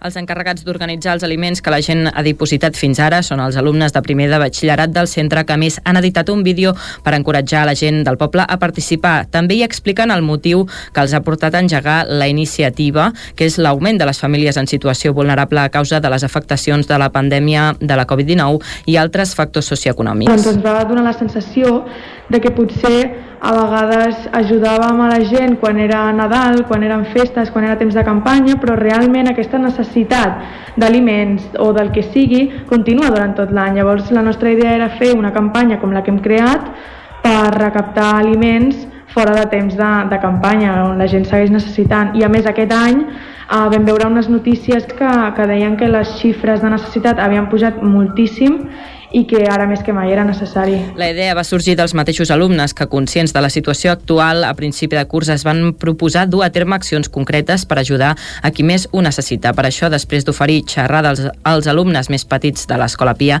ara s'han decidit a promoure aquesta campanya que s'allargarà fins aquest divendres. Esports. Víctor Font, líder de la candidatura Sí al futur a la presidència del Barça, va ser dissabte al Museu del Ter de Manlleu. La penya barcelonista va organitzar dissabte un acte perquè els socis del club poguessin conèixer el projecte de Víctor Font, un dels candidats a la presidència del Barça. L'acte, amb les intervencions, que amb les intervencions del públic es va allargar més de dues hores, va servir a Font i al seu equip per explicar les línies mestres del seu projecte. És un lloc magnífic perquè és molt culer, molt catalanista, i jo que sóc de Granollers i que, per tant, hi estic relativament a prop, m'hi trobo gairebé com a casa. La veritat és que és una gran sort el poder tenir situacions com aquesta perquè el poder explicar el projecte i donar detalls eh, que, ens, que permetin als socis i sòcies entendre què hi ha darrere de la percepció inicial és el que fa la diferència. Estem en una hora molt greu pel Barça i per tant assegurar que els socis no voten a cegues, sinó que voten eh, en base al coneixement d'un projecte, d'un equip, de tota la feina que s'ha fet és fonamental. En totes les intervencions va quedar clara la solidesa de la proposta, treballada a foc lent des de fa 7 anys i amb la incorporació de perfils professionals especialitzats en diverses àrees. Font va dibuixar un projecte esportiu il·lusionador amb els noms de Jordi Cruyff i Xavi Hernández com a pedres angulars, l'aposta ferma pel talent de la Masia i l'activació de noves línies d'ingressos per superar un moment crític com l'actual. Jo sempre ho dic, jo, a mi si em donen 90 minuts al mig del Camp Nou amb tots els socis i sòcies guanyem les eleccions de carrer. Vull dir que per això molt agraït de la rebuda aquí a Manlleu i de la sessió que hem tingut. Font serà a Vic divendres a les 7 de la tarda a la sala Ser del Sucre en un altre acte de la candidatura Sí al futur. I fins aquí el butlletí de notícies de les 10 del matí que us hem ofert amb Vicenç Vigues, Isaac Moreno, David Auladell, Caral Campàs i Isaac Muntades. Ara el que toca és refrescar de nou la informació meteorològica i ho farem, com sempre, amb en Pep Acosta.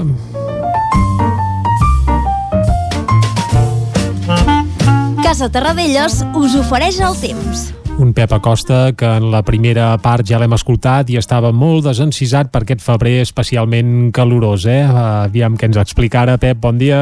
Hola, molt bon dia. Molt bona hora, Avui també. mm, hi haurà encara més contest tèrmic. Uh, les temperatures mínimes han sigut de 4 a 5 graus a zones més fredes i les màximes poder encara pujar més que ahir. En algun sector eh, ja voltarem els 18-19 graus, inclús no descarto algun 20 a la zona del peritoral més càlides. Eh, I cap a l'interior, Mollanès, Osona, Ripollès, també estan dels 15 i els 20, eh? per tant, unes temperatures molt, molt altes. Hi ha tranquil·litat, hi ha anticicló, eh, fa sol, mm, ahir encara al matí hi havia algun núvol, ràpidament es va tancar i el sol va començar a lluir amb força i avui ja no hi ha ni núvols. Això també fa que aquest contrast tèrmic entre dia i nit sigui més, més important. Molt pocs núvols, només algun núvol prim, hi ha una boira, eh, aquest l'anticicló fa que hi hagi alguna boira més, però vaja, mm, temperatures molt, molt, molt suaus, eh, càlides per l'època de l'any i molt de sol. No, no, no hi ha canvis a la vista. Tota la setmana continuem aquests vents de sud-sud-est. De cara a poder cap de setmana, setmana que ve, hi ha algun petit canvi, però bueno, molt, molt poc, molt poc important no, no es preveuen canvis a mitjà termini, per tant ja, ja es va acabant aquest mes de febrer amb unes temperatures que han estat molt més altes del normal i molt més preocupants del que hauria de, de ser. I això és tot. Uh, ja demà farem ja un petit abans del cap de setmana, però bueno, no, no, hi, ha, no hi ha gaires novetats. Eh? Segueix aquesta tendència, com deia, de, de vents del sud, i de febrer mm. molt, molt més càlid del que hauria de ser normal. Mm -hmm. Recordem que més de febrer molts anys són més, més fet de l'any. Uh, hi ha unes grans fredurades i aquest any no, no hem tingut ni una. Moltes gràcies i ens, ens escoltem demà. Adeu. Ja, moltes gràcies a tu, Pep. Uh, Vicenç, en Pep, que ens diu que les temperatures són, estan molt per sobre del que seria habitual en un mes de febrer. Eh? I està preocupat. Està preocupat, és evident. Bé, a tots ens hauria de, de preocupar tot plegat perquè clar, tot plega, és evident que el canvi climàtic és difícil d'aturar i que s'exemplifica amb qüestions com aquestes, eh? en febrers especialment eh, calorosos com el que estem tenint bé, calorosos tampoc seria l'adjectiu que el definiria més, però vaja, sense, amb sense massa bonança. glaçades. Correcte. Exacte. I ja que parlem de temperatures, com ens hem llevat avui? Bé, doncs a glaçades n'hi ha hagut, per això. Uh -huh. De glaçades n'hi ha hagut, evidentment, a Sant Sadurní de Sormort. Evidentment, no en tenim cap dubte. Doncs hi ha glaçat perquè el termòmetre ha baixat fins al mig grau negatiu, unes dècimes més a Núria, un grau i mig negatiu a Ull de Ter, però és clar, per un mes de febrer això són temperatures de primavera. Home, a Ull de Ter, evidentment, 1 sota 0 la podria fer a l'abril, aquesta temperatura. Mm -hmm. A Sant Pau de Segúries hi ha hagut mig grau positiu, un grau a Camprodon, altres eh, punts on la, on la mínima ha estat més baixa seria Rupit i Molló amb un grau i mig o dos a Planoles i el punt on la mínima ha estat més alta en tot el territori 17 és a Muntanyola Carai. que no han baixat dels 6 graus i mig de temperatura Mm -hmm. un altre punt doncs, elevat que ja ha fet una temperatura també molt alta és Tagamanent perquè allà doncs, el termòmetre no ha baixat dels 5 graus i mig déu nhi ja ens ho diu el Pep uh, Això no, no pot ser febrer. bo, no pot ser bo, això no és febrer uh, sigui com sigui, en febrer o sense el que ens toca ara és anar cap a l'entrevista Casa Tarradellas us ha ofert aquest espai.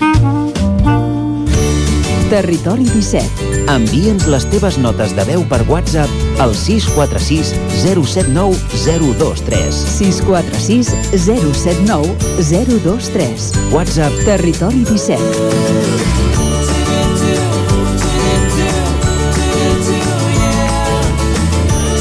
Territori 17. Som a Facebook, Twitter i Instagram amb l'usuari Territori 17.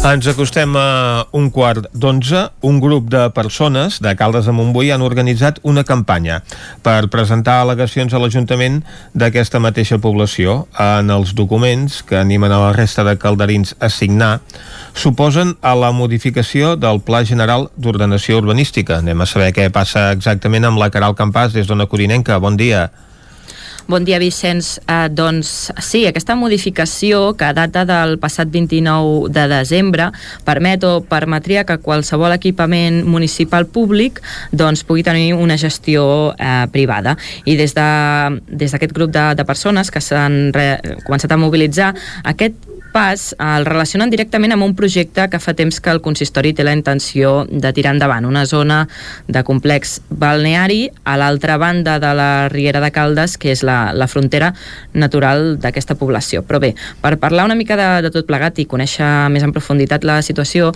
tenim al telèfon a Josep Maria Noguer, que és un dels integrants doncs, d'aquest grup. Bon dia, Josep Maria. Bon dia. Bé, la vostra reivindicació es basa en que considereu que no s'ha de construir a l'altra banda de la, de la Riera, és així? Sí, exactament.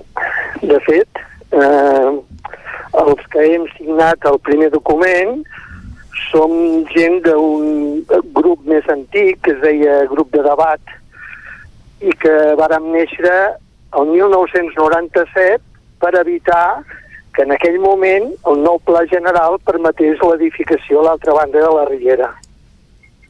Uh -huh. I finalment, el 2003, es va aprovar definitivament el pla general sense aquesta, aquest creixement a l'altra banda de la Riera.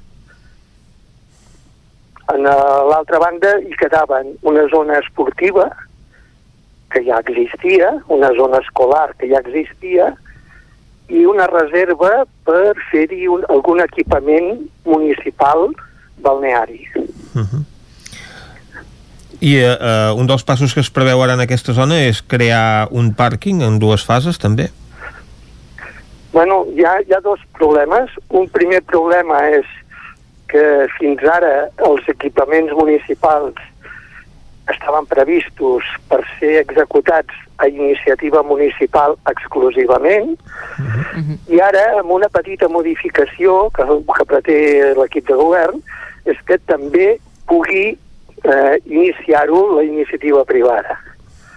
I clar, això sembla molt bonic, però mm, considerem que és regalar el control del territori a no sabem qui, perquè no hi ha cap pla ni, ni res previst. Només és privatitzar la iniciativa sense cap mena d'objectiu ni de control. I, per altra banda, s'ha presentat en la mateixa zona, curiosament, un, un pla per, eh, eh, per construir un aparcament. Un aparcament dins de la reserva balneària que s'hauria de fer amb un pla general, que, amb, el- perdó, amb un pla parcial que, que abasteix tota la zona. No sabem per què és aquest aparcament, però sí que sabem per la, pels planos que és per més de 400-450 cotxes. Per tant, ens sembla que no té cap sentit i, a més a més, no, té, no està inserit en cap projecte més global. D'altra banda, consistori, per aquest tant- projecte... Perdona. No, eh, no, que aquest projecte es va aprovar en un ple especial el 29 de desembre, que dius, qui està pendent de les coses que fa l'administració el 29 de desembre? A dos dies del cap d'any, en plena pandèmia, i amb un pla, eh, perdó, amb un ple que es, que es fa eh, bueno, eh, telemàticament, molt poc transparent tot plegat. Per tant, eh, des del consistori s'ha tirat endavant aquesta modificació puntual de, del POUM a través de, del que comentaves ara, d'un ple extraordinari de, del 29 de desembre, i ara l'única via que teniu per oposar-vos-hi és a través d'aquestes al·legacions? Sí, ara els, els projectes aquests estan a informació pública i mm, en aquest període d'informació pública doncs, mm, estem entrant al·legacions que signen diversos veïns.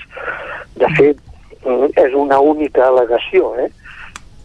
Mm, perquè l'Ajuntament almenys s'hagi d'explicar per què vol fer això, per què és bo pel municipi fer això, i que almenys, almenys, hi hagi el, alguna rendició de comptes per part de l'equip de govern. A l'altra eh, banda de la Riera, concretament, el que es vol modificar, quina extensió té? Perquè estem parlant d'una zona d'equipaments, no? Sí, és una zona d'equipaments balnearis. Uh -huh. Si no, no hi pot anar en aquella zona, per entendre'ns, mm, cap altre tipus d'equipament que no sigui balneari. O sigui, ni hotelers, ni, ni esportius, cap tipus d'equipament que no sigui balneari. I la qualificació, per tant, dels terrenys és de reserva balneària. No sé qui, qui, quina creieu, quina qualificació creieu que haurien de tenir aquests terrenys per anar bé o per anar en la direcció que vosaltres creieu que, que ha de ser no, el que es destini en aquella zona? Bueno, per nosaltres, mm, el pla general que es va aprovar el 2003 ja blindava aquesta zona únicament com a reserva balneària per si un dia l'Ajuntament considerava adient fer-hi alguna actuació d'aquest estil. Per tant, això ja estava guardat. Quin problema hi ha? Doncs que s'obre a la iniciativa privada sense cap mena de control municipal mm, diguéssim, previ. Uh -huh. La gent que heu tirat endavant aquesta campanya sou els que antigament éreu el grup de debat. Quantes persones hi ha en aquest grup? Bueno, de fet, fa tant temps que, que ha passat això que hem tingut fins i tot disortadament de funcions. Uh -huh. No sé, eh, ho signem un- una dotzena de persones que provenim d'aquell- d'aquella època i diguéssim que en aquell moment vàrem recollir unes 4.000 al·legacions eh, al salt de la Riera. Hi havia una, una pressió popular important perquè no se saltés la riera. I ara estem tenint una bona resposta, tot i les dificultats del moment, de gent que ens dona el seu suport perquè no se salti la riera. O sigui que intentarem continuar en la mateixa línia. Mhm. La, la modificació del POUM, per tant, o, o, si ho hem entès bé, obre la porta a que espais de titularitat pública tinguin una gestió privada, uh, però en aquests moments sobre la taula del consistori, uh, en principi no hi ha cap complex balneari previst, només el pàrquing. Tot i això, hi veieu una relació directa, vosaltres? Home, no sé, si, si coneixéssiu la zona, veuríeu que només hi ha camps d'oliveres, el parc de Can Riu i la zona esportiva. La zona esportiva té uns aparcaments molt extensos. Per tant, per què seria aquest aparcament? A part de que el projecte no en diu res, de fet no diu ni que sigui un aparcament. Diu modificació de, de l'estructura del parc de Can Riu i finca adjacent. I després tu mires i veus que és un aparcament però en el projecte no surt ni aparcament, ni pàrquing, ni places, ni res. O sigui, és, és una cosa com, com d'amagar tot, i saps? Eh, I cosa que a nosaltres ens va estranyar molt. Si era tan interessant fer aquest aparcament, el lògic és que a l'inici del projecte es donguessin uh, les, les explicacions adients perquè tothom valorés com interessant aquest projecte. Però no, no hi ha res de tot això. Perquè vosaltres hi veieu especulació en tot plegat. No. No, perquè no, no existeix, que nosaltres sapiguem, cap projecte realista, ni tan sols proper a la formació de- d'un nou balneari, per exemple. No, no. No, no és un tema especulatiu. Jo diria que encara és més greu. És un tema de deixadesa en què l'Ajuntament cedeix el control del territori a la iniciativa privada que no coneixem i ni, ni crec que ells coneguin encara. Només per si les mosques, saps? Ah, En l'article que vau publicar als mitjans recentment i on exposeu aquesta situació que, que ara parlem, apunteu que la propera setmana enviareu una segona al·legació per tal que la gent també s'hi adhereixi, no? Sí, bueno, com que hi havia molt poc temps i bueno, l'administració és encara més feixuga del que era anteriorment perquè la presencialitat és difícil, perquè has de demanar hores prèvies, és, és complicat. Llavors, hem fet unes primeres al·legacions a la modificació del Pla General, o sigui que no, que no ens agrada que se salti de, de, la, de la iniciativa municipal a la iniciativa privada, que és una, i l'altra, una al·legació contra el pla de fer un aparcament. Són dues coses diferents, però que van juntes. De manera que eh, ara començarem a recollir signatures mm, contra l'aparcament, en concret. Doncs esperem que aquesta campanya de signatures doncs, tingui resposta, que la gent s'hi impliqui eh, en aquesta problemàtica i entre tots es trobi una solució a aquesta modificació puntual del Pla General d'Ordenació Urbana de Caldes. Avui n'hem parlat de tot plegat amb Josep Maria Noguer. Moltes gràcies per acompanyar-nos. Gràcies a vosaltres, bon dia. Josep Maria Noguer és el portaveu d'aquest eh, col·lectiu que ha presentat aquestes al·legacions contra aquestes modificacions al Pla General d'Ordenació Urbana de Caldes. Ara nosaltres al Territori 17 fem una petita pausa i tornem tot seguit.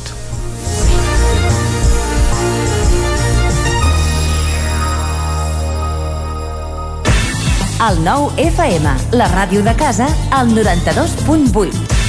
Són temps de reptes. A la Fogonera n'hem aconseguit tres. Servir arrossos d'estrella, per emportar i a un preu de justícia. Aquest hivern tenim l'arròs de calçots amb tempura. La Fogonera, la rosseria de paelles per emportar a GURB i que també et portem a casa. Telèfon 93 851 55 75 i a lafogonera.cat. I quan cau la nit, Pupurri Culinari, solucions per sopar les nits de divendres i dissabte. Entra a pupurriculinari.cat i tria. A Vic, T52, un taller d'emocions. Una celebració, un reconeixement, un record, la victòria, el premi.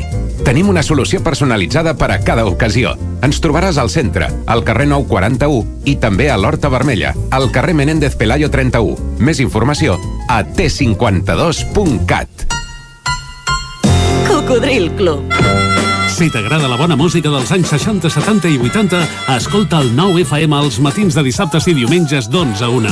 És el temps del Cocodril Club, tot un clàssic de la ràdio, amb les bases del pop-rock, les llegendes, les cançons que s'han convertit en autèntics himnes. Recorda, dissabtes i diumenges al matí, d'11 a 1, al 9 FM 92.8. Cocodril Club, el programa revival de l'Albert Malla. Hasta luego, cocodrilo. Cobertes serveis funeraris. Els nostres tanatoris estan ubicats en els nuclis urbans més poblats de la comarca d'Osona per oferir un millor servei.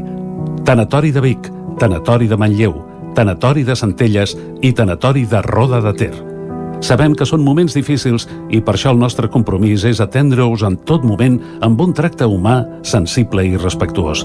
Cobertes serveis funeraris. Telèfon 24 hores 93 883 23 46. Xalant, moda i complements. Més que rebaixes, nova secció, tot a 10 euros. Moda home-dona, nen-nena, sabates, bosses de mà, maletes, complements i molt més. Sí, ho has sentit bé, tot a 10 euros. Vine a Can Xalant, ens trobaràs al carrer Sant Tomàs 4 de Call d'Atenes. També a Instagram i Facebook.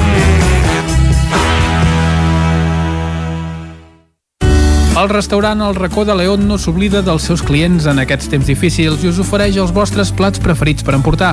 Reserves al telèfon 93 889 1950. Obrim amb el 30% d'aforament. Disposem de menjador i terrassa amb totes les mesures de seguretat.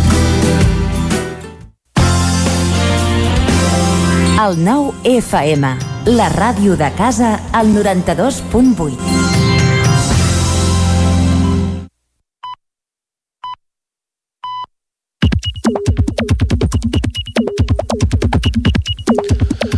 Són dos quarts onze, ara mateix i des de fa més de mitja hora hi ha tallat a la circulació de trens a la línia R3 entre les estacions de Balanyà, Tona Ceba i Vic, a conseqüència de l'atropellament d'una persona a l'entrada de Vic. El cos d'aquesta persona encara és al mig de la via i, per tant, mentrestant s'està gestionant un servei alternatiu per carretera perquè els passatgers puguin viatjar en aquest tram afectat de la línia que registra retards superiors als 45 minuts. Però ara és hora de fer un repàs a l'actualitat a Twitter i, com sempre, ens la porta l'Isaac Moreno. Isaac. Bon dia. Què has trobat avui per Twitter? Dues tendències, les organitzacions Pablo Hasél i el Barça. Doncs per quina vols començar? Comencem per l'Antoni Borra, que piolava ahir abans que passés res, bueno, quan ja s'havia detingut Hasél, eh, evidentment, abans de les mobilitzacions. No ens toqueu en Pablo, ens tindreu mobilitzats solidàriament. Uh, també més piolades, per exemple, Albert Generó, gràcies per l'exemple de dignitat, Pablo Hasél, davant d'un estat autoritari que se sustenta en la vulneració sistemàtica de drets fonamentals. Pep Acosta, home del temps, diu ja ens estan tocant massa els collons, comença a cremar tot. Llibertat Pablo Hasél. Ai, ai, ai. L'home està encès. Està més encès que la temperatura. Antoni Pladevall i l'Arget, jo només dic una sola cosa, que Pablo Hasél és el més terrós que els irreductibles Indivil i Mandoni, que tants maldecaps donaren als romans invasors i que la rendició, doncs, no figura pas al seu catàleg de renúncies vitals. Arnau Tordera primer, les coses pel seu nom. Espanya és un estat franquista. Toni Rubia, un estat feixista cada dia més crescut, un sistema que per primera vegada en dècades no ofereix cap oportunitat als joves, suma i una fantasmada dels que sempre viuen bé sobre la construcció d'un estat propi, d'uis i de més històries, i, acaba, i ho acabes de manir amb una pandèmia mundial. Etiqueta Vic. Uh, per cert, afegíem una segona piolada Pablo Hasél Llibertat Spain is a, fact, Spain is a fascist state i ara sempre ACAB uh, des de l'òrbita Barça, Jordi Devesa, només veure i escoltar com mana i tira el carro Piqué. Per mi, com si juga menjant pipes. Llavors eh, passa el que passa. això, clar, són pilades que es fan a mig partit i després mm -hmm. les coses acaben com acaben. Ah, això mateix. Montse Ayats diu, nota mental, si es preveuen aldarulls a la ciutat de Barcelona, no deixeu el cotxe a cap pàrquing prop de la delegació del govern de Catalunya, perquè en poca estona hi habiliten una mena de búnquer i has de tornar a Vic amb bus. Llavors només falta que arribis a Vic amb bus i et trobis el panorama a, a, a la R3, no? A la comissaria dels Mossos. Uh, Pepa Costa també anava piolant sobre el Barça. Diu, el gran culpable de tot això és Josep Maria Bartomeu i Floreta. Mai perdonarem tot el mal que has fet al Barça, desgraciat. Xavi Bardolet, l'únic consol és que ara tots els partits semblen un entrenament i el mes que ve entrenem entrenament a París, mira, i en Messi buscant tipis. Això no ho sabem. Bueno, s'especula. Si no és a París serà a Manchester, no pateixis. I amb, amb, un, amb un pis potser no es conforma. Ah, bueno. Xavi Tornafoc, a Vic han atacat la comissaria dels Mossos i cremen contenidors. Fa dies van atacar l'estació de tren produint moltes destrosses. Jo crec que aquí hi ha més coses que consignes polítiques, un mar de fons que Jordi Vilarrodà esmentava l'altre dia al 9-9. No obviem això. No obviem això. Precisament l'al·ludit Jordi Vilarrodà. He estat a plaça Vic per protestar per l'empresonament de Pablo Hasél. A la que va A s'ha desfilat cap als jutjats sense incidents. No entenc el sentit d'això que ha passat després. No calia. Uh, hi ha més pilades. Roger Mas, els incidents d'ahir no s'expliquen només per la indignació provocada per la detenció de Pablo Hasél. Les causes són múltiples. Fa molt temps que la gent les pateix i necessiten respostes urgents. Mirar cap, urgents, mirar cap una altra banda o criminalitzar o glori i glorificar l'engròs. Ho agreujaran. Arnau Tordera, altre cop, una salutació a les borbòniques d'esquadres de Catalunya. Quim Soler, hi ha una generació a la que no hem deixat cap altra forma d'expressió que la d'ahir. Qui, vulgui qui ho vulgui solucionar, que deixi de veure-ho com un problema i ho afronti com un símptoma. Jordi Colom humilment crec que estan portant el tema de la ventilació massa lluny i comparteix una imatge de les finestres, dels vidres trencats de la comissaria dels Mossos d'Esquadra i Vaja. la Susana Vives, també de Capgirem Vic, es fa ressò d'un tuit de l'usuari Pau 1979, paga fantes més preocupats pel mobiliari urbà que per la protesta en si. No puc amb vosaltres. I la Sus Vives, que hi afegeix, diria més, paga fantes més preocupats pel mobiliari urbà que per si hi ha més detingudes o represaliades. Anem Tenim a... més piolades d'altres tendències, eh? però potser que anem a repassar portades. Eh? Anem a repassar, efectivament, les portades del 99.cat doncs carreguem la del Vallès Oriental, la de color verd, que a aquesta hora piula, titula la taxa de reproducció de la Covid-19 se situa a nivells de final de la segona onada. Roconvert escull els residents de moviment i imatge entre 131 projectes. Detingut un jove a Granollers per dos robatoris amb violència de diners i mòbils al carrer i la víctima mortal de l'accident laboral a Tagamanent és un home de 45 anys i veí del poble. Ràpidament, carreguem l'altra portada del 99.cat, l'edició vermella, la d'Osona i el Ripollès, que a aquesta hora Piula comencen a reparar els desperfectes de la comissaria dels Mossos de Vic. L'empresa usonenca d'àpats domicili Pepita Vilaró s'expandeix al Bages, Garrotxa i àrea metropolitana. Uh -huh. uh, com dèiem, també incidents, imatges i vídeos dels incidents de la comissaria dels Mossos de Vic després de la concentració de suport a Pablo Hasél i el conseller d'Interior i el major Trapero a la comissaria de Vic després dels incidents. Doncs moltes gràcies, Isaac, per aquest repàs. Nosaltres anem ara a la taula de redacció. Bon dia. Territori 17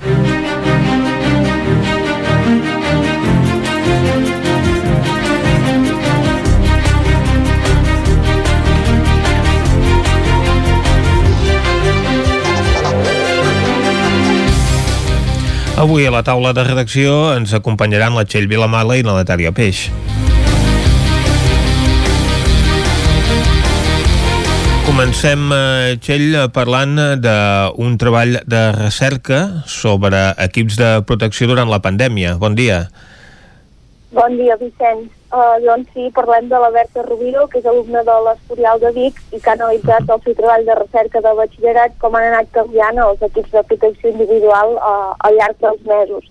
Van de pensar que fa només un any uh, nosaltres mateixos no estàvem gens acostumats a veure mascaretes. Uh -huh. uh, segurament si ens haguéssim creuat amb algú al carrer Verdaguer de Vic o, o no sé, asseguts en una terrassa i haguéssim vist que en portaven, ens hauria cridat l'atenció, potser fins i tot uh, despertat alguna mala sospita i en canvi ara, eh, que ja fa gairebé un any que convivim, que convivim amb la pandèmia, doncs ens hem acostumat a veure i de fet uh, fer-ne servir s'ha acabat convertint en, en la norma. Uh -huh. uh, en portem a la feina, en portem a l'escola, en portem quan anem pel carrer i amb les estadístiques doncs, també ens hem adonat que són un element important a l'hora d'intentar prevenir els contagis de coronavirus. Uh, la Berta Roviro, que és de Vic i com dèiem estudia l'Estorial de Vic, ha analitzat el seu treball de recerca precisament com han anat canviant aquests equips de protecció individual i com han canviat, de fet, els protocols que se segueixen en, en, en cadascun dels sectors, no? com per exemple el sector sanitari. Això l'ha portat ella doncs, a seguir sessions telemàtiques de l'Organització Mundial de la Salut o també s'ha integrat a, a l'equip català que ha elaborat el pla de protecció per, per protegir els sanitaris.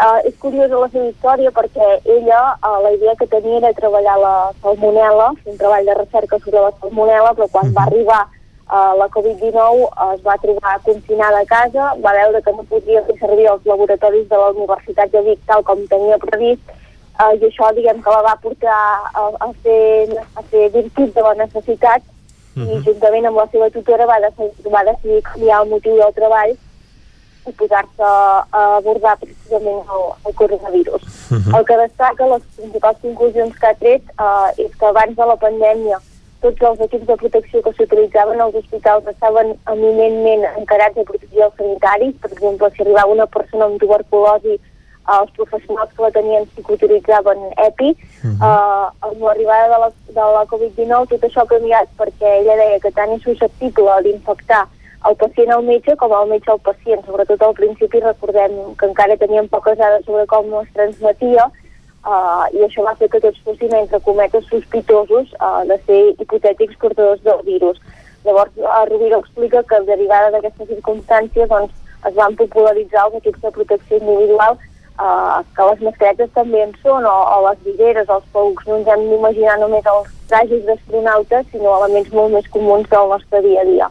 Uh -huh. I llavors la segona gran conclusió del seu treball, a banda d'ensenyar-li com es fa una, un, un escrit científic i com s'arriba a publicar-lo, Uh, també és que la producció d'aquests EPI abans estava molt centrada sobretot a la Xina, a Corea i Taiwan, també en menor mesura a Alemanya, quan va arribar la pandèmia, evidentment, hi va haver molta demanda a escala mundial, això va fer que aquests països tanquessin una mica l'aixeta, també eh, per quedar-se una part de la producció ells mateixos, i de cop i volta ens vam quedar sense aquests equips de protecció, i més en un context en què també necessitaven llocs on no era habitual que abans en fessin servir, no? com podien ser les, les residències de, de gent gran.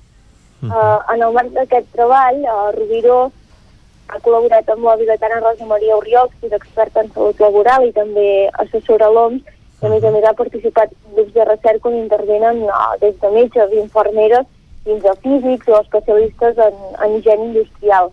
I ara la, la Berta té 17 anys, eh, el curs vinent encara no té decidit què vol fer, eh, però dèiem al diari que li escau, com en ell ha dit, l'expressió de, cul, de cul inquiet, eh, perquè abans d'estar estudiant el batxillerat Uh, també fa xinès, també col·labora amb una empresa de roba tecnològica, amb una altra que fabrica sabates clàssiques uh, molt més còmodes, i per tant això ens fa suposar que segurament és la primera vegada que surt el 9-9, però no serà l'última. Doncs eh, tant de bo sigui així, en puguem anar parlant de les seves investigacions. Moltes gràcies, Txell. Gràcies, Vicenç. Bon dia. Bon dia. Ara nosaltres eh, anem a parlar amb la Natàlia Peix. La Natàlia Peix és a la comissaria dels Mossos d'Esquadra de Vic, que hi va ser vandalitzada en aquest acte de concentració de suport a Pablo Hasél, que es va dur a terme a la plaça Major. Després eh, la gent concentrada es van dirigir de forma pacífica a protestar davant dels jutjats i alguns van acabar arribant fins a la comissaria dels Mossos d'Esquadra, on es van produir actes vandàlics, hi va haver detencions, hi va haver destrosses, hi va haver ferits i volem saber quina és la situació ara mateix allà davant. Uh, Natàlia, bon dia. Hola, bon dia. Com està doncs, la situació ara davant de la comissaria dels Mossos de Vic? Doncs el que hem pogut veure en aquesta hora més o menys que som aquí és que s'ha procedit doncs, a netejar primer de tot els segments de vidre que hi havia a l'interior de l'edifici uh, i en aquests moments el que veiem és una petita grua que s'està desplegant per procedir ja a retirar els vidres trencats que han quedat doncs, a les vidrieres. L'afectació més important és a la porta i a la vidriera lateral de la comissaria dels Mossos d'Esquadra a Vic, és on els vidres estan més trencats i on hi ha més trencats, i també n'hi ha a la part frontal de l'edifici just a sobre de l'accés al pàrquing. Ara mateix aquí a la comissaria està fortament custodiada, hi ha cinc vehicles policials i una desena, dotzena de gent uh, a l'exterior. És a dir, que- i, coordonat- uh, hi, hi, ha, hi ha eh, una dotzena de gens, estàs dient, custodiant aquest edifici. Exacte. Fins ara s'havia permès l'accés uh, per la vorera, tot i que estava acordonat, però ara, com que hi ha aquesta grua que s'ha introduït, diguem, a la part més propera a l'edifici per la vorera, doncs ara uh, a la vorera no, no s'hi pot uh, circular. Uh Mhm. Fins ara els vianants ho feien amb, amb normalitat. Mhm. A l'exterior de l'edifici ara hi podem veure doncs, que n'han tret algunes plantes de l'interior, també hi veiem algunes papereres i veiem també aquestes pedres que van fer servir ahir com a projectils uh, i que van trencar les vidrieres. Segons Mossos d'Esquadra, l'afectació principal és en aquests vidres i també hi va haver desperfectes en el cablejat i en algunes càmeres de seguretat de l'edifici. Aquí avui s'estan valorant els danys, eh, a l'interior doncs, ja, hi han vist entre responsables de l'àrea bàsica policial d'Osona, eh, entre els quals doncs, el CAP, Joan Salamanya, que s'estan doncs, avaluant aquests danys que de moment no tenen quantificació econòmica i també hi ha una important expectació mediàtica amb els mitjans de comunicació que s'han acostat fins aquí. El conseller d'Interior Miguel Samper i el major Josep Lluís Trapero van visitar ahir a la nit a aquesta comissaria, no?, després dels fets.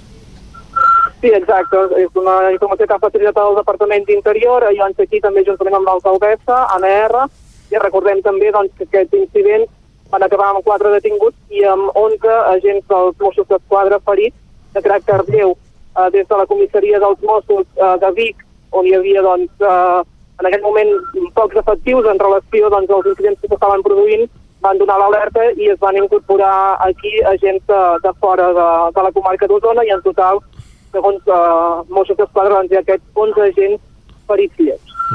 Molt bé, doncs moltes gràcies, Natàlia, per aquesta última hora des de davant de la comissaria dels Mossos d'Esquadra de Vic, que hi va ser atacada al final de- d'aquesta concentració de suport a Pablo Hasél per una part dels concentrats. Moltes gràcies, nosaltres tanquem aquí la taula de redacció. Territori 17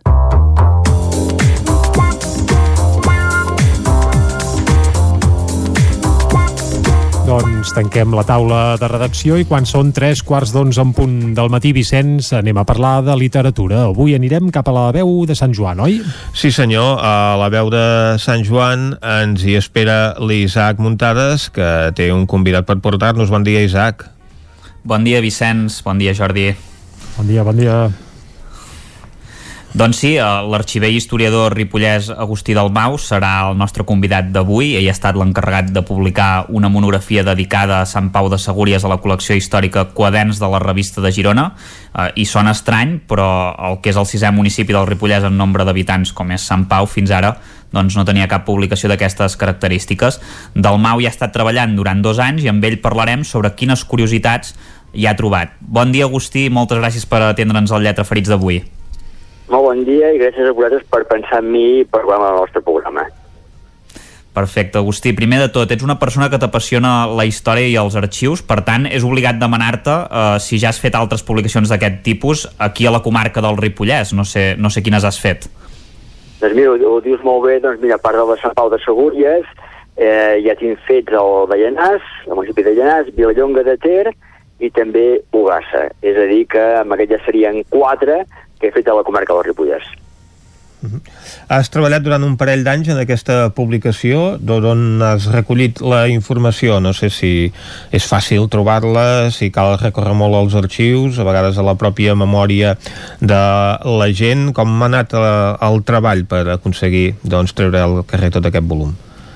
Mira, eh, us comentaré una cosa. Mira, com que són llibres que són molt didàctics i molt amens, i són llibres d'aquests quaderns, es fa la Diputació, abans, eh, juntament amb la Caixa de Pensions, abans hi havia la Caixa de Girona, doncs són monografies de 100 pàgines, 100 pàgines, amb la qual no has d'aprofundir, no és una tesi doctoral, no és un llibre de 300 pàgines, amb el qual n'has de fer 100. Però què vol dir això? Això implica doncs, reduir i fer llenguatge periodístic. Què vol dir això? Doncs que en poc espai has de dir molta cosa. Mm -hmm. Després, esclar, no has d'aprofundir. Ara, tot i això, com que és el primer llibre de Sant Pau, doncs, bueno, jo he hagut de recórrer a diversos llocs, diverses fonts, eh, tant l'arxiu de l'Ajuntament, les hemeroteques digitals, que s'ha dit tot, que estic molt content que hi hagi la premsa cada cop digitalitzada, i això et dona un compte més, dic, entre els diaris i coses publicades, entre la premsa publicada i tot, doncs me n'he sortit. Ara, si hagués d'aprofundir, costaria més. A més, tenint en compte que l'arxiu de Sant Pau de Segúries eh, hi falta molta documentació que al llarg de la història s'ha perdut. Mm -hmm. Mm -hmm. Com s'estructura el llibre, Agustí? Hi ha capítols dedicats a, a infraestructures, altres a, a costums? Com, com l'has estructurat? Mira, aquesta col·lecció, més o menys, aquests llibres, hi ha uns capítols que són bastant eh, clavats. És a dir, eh, per dir alguna cosa, no sé, l'ensenyament, eh, la guerra civil, la postguerra, eh, la festa major... Eh, aquests solen ser-hi en casa de tots aquests quaderns. Després, més o menys, hi ha un ordre cronològic. És a dir, comencis més o menys la situació del municipi, tens la demografia, el medi físic, i vas tirant més o menys des de l'època medieval fins a l'actualitat. Després, que la realitat de cada municipi és diferent. Sant Pau en té una realitat i per m'invento en Sant Joan de les Abadeses en té una completament diferent. I cada municipi en té un. I després, més o menys, jo he intentat doncs, recollir l'essència d'aquest municipi, vull dir, els texts més importants. Uh -huh. I quan es parla de Sant Pau de Segúries sempre ens ve al cap la, la via romana del Cap Sacosta no sé què n'has trobat d'interessant sobre aquest aliment del patrimoni històric de la vila. Mira, la via de, la, de Cap Sacosta, la via romana, que hi ha una caminada sempre des de l'any 93, 1993, hi ha una caminada que es fa entre Sant Pau i la Vall de Vianya, que és a la comarca de la Garrotxa. Doncs, eh, coses curioses, mira, per exemple, que esclar, està documentat des de l'edat mitjana. Això de que sigui romà, potser sí que era romà, eh? Però uh -huh. era romà. Però, Però no se sap del que, tot. Sí, sí, es diu la via romana, bueno, bueno, uh -huh. però, però pescant, pescant, potser sí que ho era, però s'ha modificat tant, la primera constància és del segle XVII, el segle XVII, Va, que se'n parla. Uh -huh. Molt recent. I pensem que hi passava gent, hi passava gent fins al 1928, he trobat, eh? 1928. Uh -huh. És a dir, que fins a hi passava gent, amb el qual què vol dir això? Doncs que contínuament, bueno, si tu hi vas, veuràs eh, tra eh, trams canviats, modificacions del traçat, és a dir, que segurament la part més antiga queda sota, hi ha alguna curva, algun lloc, però també, bueno, és lògic, com obres de qualsevol carretera d'una casa. Uh -huh. Uh -huh. Era una infraestructura, doncs, així, Agustí, que la gent eh, feia servir, eh, també, a, a, a, a principis del segle passat, en, ens estàs comentant, eh? Sí, sí, sí, esclar, sembla que a l'època dels romans i després es va deixar de passar. No, no, no, no, no. fins al 1928. Per què el 28? Perquè el 1928 és quan s'obre la carretera que eh, l'antiga carretera de Capsacosta, abans d'haver-hi els túnels que ara comuniquen el Ripollès amb la Garrotxa, doncs hi havia la carretera de Capsacosta, que encara hi és. Doncs aquesta carretera doncs, es va obrir l'any 28. Què vol dir això? Que abans, a, veure, a 1910, la gent per anar-se a Olot o les preses de Sant Joan dels Fonts doncs passaven per, per, per aquesta via, passaven per allà. Clar, això vol dir doncs, que potser que aquella època doncs, van fer algun, algun tipus de remiendo, per dir així, en perdó, doncs algun tipus Mm. d'actuació doncs, per, per, per decentar-la. És, és lògic, és lògic. Mm -hmm. Sant Pau de Segúries eh, també se sol associar amb la Casa del Mariner, però aquí ens has d'esmenar alguna cosa de l'imaginari popular, oi? Sí, sí, sí, perquè és que la, casa, la gent del Mariner que recull el Mossèn Cinto Verdaguer, aquell senyor de la mala mar, que se'n va anar a terra endins eh, de l'interior de la província de Girona fins a arribar a Sant Pau, doncs bé, la casa del Mariner és molt coneguda, és molt coneguda bueno, és, és gran, té molt, té molt territori, té molt terreny, és impressionant, però s'ha de dir que no és el municipi de, de Sant Pau, no ho és. Encara que estigui a tocar, que la gent veu la gent que passin amb el cotxe van cap a Camprodon, doncs no ho és sinó que és de Camprodon i antigament era del municipi de Freixenet, un municipi desaparegut. Doncs és a dir, la, la llegenda del mariner és molt curs, perquè a l'època, invento, fa, fa 105 100 anys, això dels municipis era molt relatiu. És ara que és més la gent s'hi mira més que abans una cosa molt... Els hi fotien de cavall estant. Uh -huh. I, I aquest municipi desaparegut, quina, quina part del terme, doncs, ocupava? No, bueno, Fre Freixenet era un municipi uh -huh. eh, que se'l van accionar a Camprodon el 1965. Uh -huh. No a Sant Pau, Camprodon. És a dir, Camprodon era molt petit, molt petit, molt petit, Camprodon. I mica en mica, o sigui, al llarg del segle XX, Camprodon va anar creixent. Es van annexionar tota la zona de Beget, un, un poble fantàstic, Beget, uh -huh. Rocabruna, tota aquella zona d'allà, i també Freixenet. I tot això s'ho va anar... Era un municipi, Freixenet. Hi havia alcaldes, regidors, de tot. I, bueno, doncs, seria tot al voltant, eh? La Estabaner i tot, això era de Camprodon. I a la casa del Mariner, doncs també era d'aquest municipi que dic, ara és de Camprodon. Uh -huh. I uh, a Sant Pau també hi ha el veïnat de l'Arral, que està als afores. No sé si allà també s'hi han trobat coses interessants en relació a la història doncs, de, de, pràcticament d'aquest carrer, podríem dir, no? Uh, aquest, uh, potser, per la proximitat, doncs, uh, té més vinculació amb Camprodon, no?, la zona de l'Arral. Sí, la raó, veure, la gent que, la gent que puguin visitar el Ripollès o la gent que tens una residència a Camprodon, doncs hi passen. La RAL és des de, des de la carretera, és un simple carrer, uh -huh. hi ha una, unes 25 cases, hi ha una església del segle XVII, però el centre Prudència és de l'edat mitjana. Per què? Doncs perquè el rei Jaume I, al segle XIII, doncs tenia un pique, un pique, i volia fer una vegueria amb els de Camprodon. Com a Camprodon dominava el monestir de Sant Pere. Ui, és el que fa una església. Quan l'església hemos topado, doncs el mateix. doncs el monestir de Sant Pere van impedir que Camprodon fos vegueria. I el rei va dir, ah, no vol que sigui vegueria, cap problema, ho faré fora. I per això, a res, a, a dos quilòmetres va fer la RAL. Que s'ha dit tot, el nom, el nom autèntic seria la Reial, uh -huh. el barri, el veïnat de la Reial. El que passa que amb el temps, anant parlant, parlant, parlant, ha acabat dient-se la RAL. Però el nom, el nom autèntic seria la Reial, però costa molt dir Castellí. Però realment és un lloc molt pinxós, que jo de pensar una cosa, que hi havia presó, hi havia una presó i tot, Carai. notari, feien mercat. Bueno, increïble. -huh. De fet, com els camins rals, eh, que també eren reials i, i es va canviar aquesta denominació, eh? vull dir que també és una cosa extesa. No sé, Agustí, eh, quines curiositats t'han cridat l'atenció la, del llibre, si hi ha algunes coses que hagis trobat curioses, a, a banda de les típiques que, que hem anat parlant ara, com de, de la via del Capsacosta, etc etc. Home, a veure, realment hi ha coses que jo, bueno, jo, jo, no, jo no les coneixo, de Ripoll, i treballo a Sant Pau, porto l'arxiu, però tot això, el primer sorpresa que Però fins i tot la gent de Sant Pau tenen que també sorpresos, perquè coses que no sabien ni ells. I qualsevol persona del Ripollès o interessada en la història local el sorprendrà, i per tota la gent de la zona. Perquè, és clar, hem de pensar que és el primer llibre del municipi i he posat ordre, hem fet un discurs a mi, per tothom, i hem recollit, jo que sóc una, en reconec una en fura d'arxiu, sóc una fura, doncs vaig sempre més enllà. No, no m'agrada el cortar i pegar, ho diu cortar i pegar, amb el qual vaig més enllà. I com coses que jo m'hi moltíssim. Per exemple, una campana del segle XIV, una campana del segle... Hi ha una campana al Sant Pau del 1340. On mm. trobaries, arreu de Catalunya, una campana del 1340? Mm -hmm. Perquè pensar que amb la Guerra Civil totes van anar trinxades. Doncs allà n'hi ha una.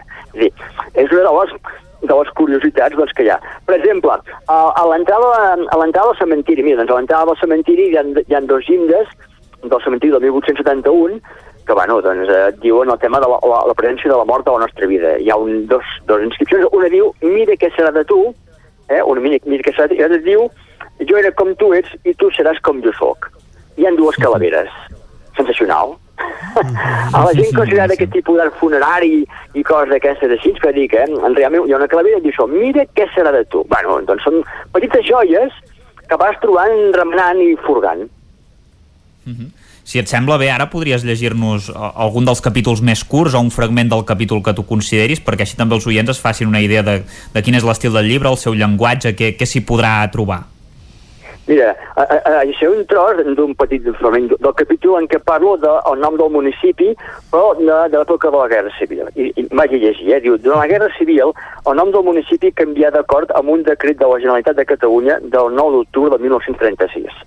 La resolució estipulava la modificació de la denominació dels pobles amb una connotació religiosa. I aquest era el cas de Sant Pau de Segúries. A l'hora de decidir un nou, el nou nom, uns 200 santpauencs van suggerir a l'Ajuntament l'adopció de la forma Segúries de Ter. La proposta prosperà, atès que les signatures recollides representaven dos terços del total de persones inscrites en el cens electoral. El ple aprovà el canvi el 15 d'octubre de 1936 i la Conselleria de Seguretat Interior de la Generalitat el va ratificar el 29 de desembre. En finalitzar el conflicte, i durant tot el període franquista, el municipi passà a dir-se Sant Pablo de Segúries.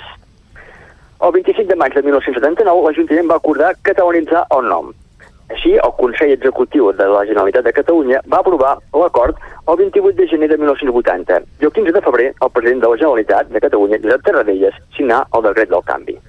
Bé, és un projecte interessant perquè la gent ni pensa que la Guerra Civil es deia Segúries de Ter uh -huh. i després de l'època del franquisme es deia, eh, es, es deia doncs, Sant Pablo de Segúries. Esclar, amb ES, no Sant Pablo de Segúries, uh -huh. de Segúries.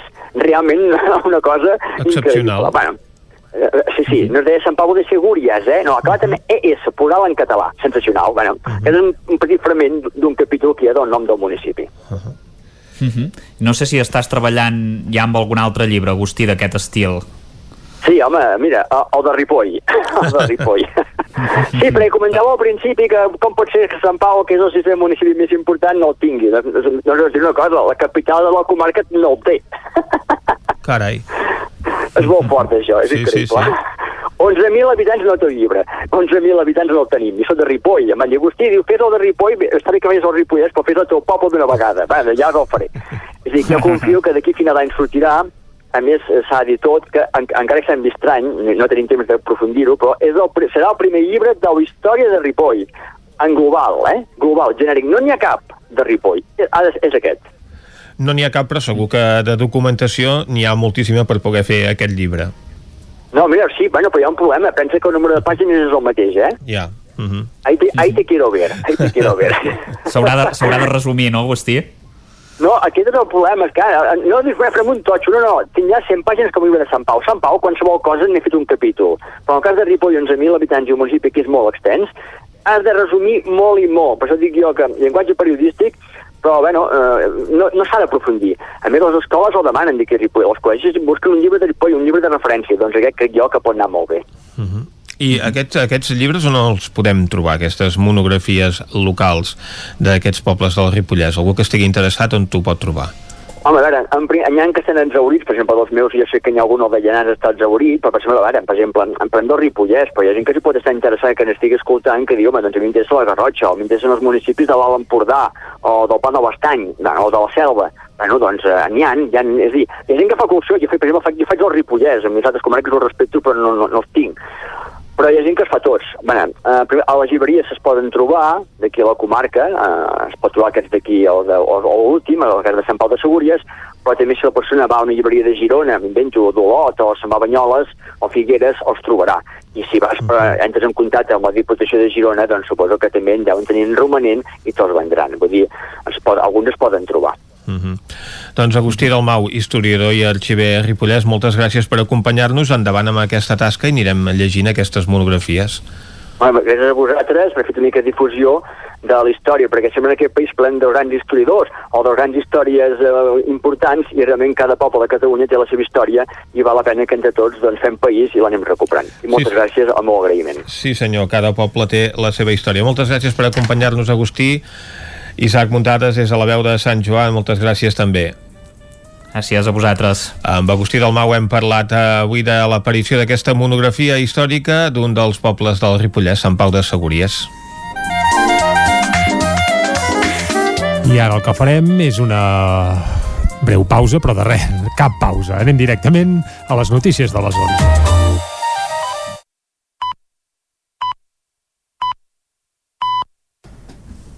Són les 11. Territori 17, amb Vicenç Vigues i Jordi Sunyer.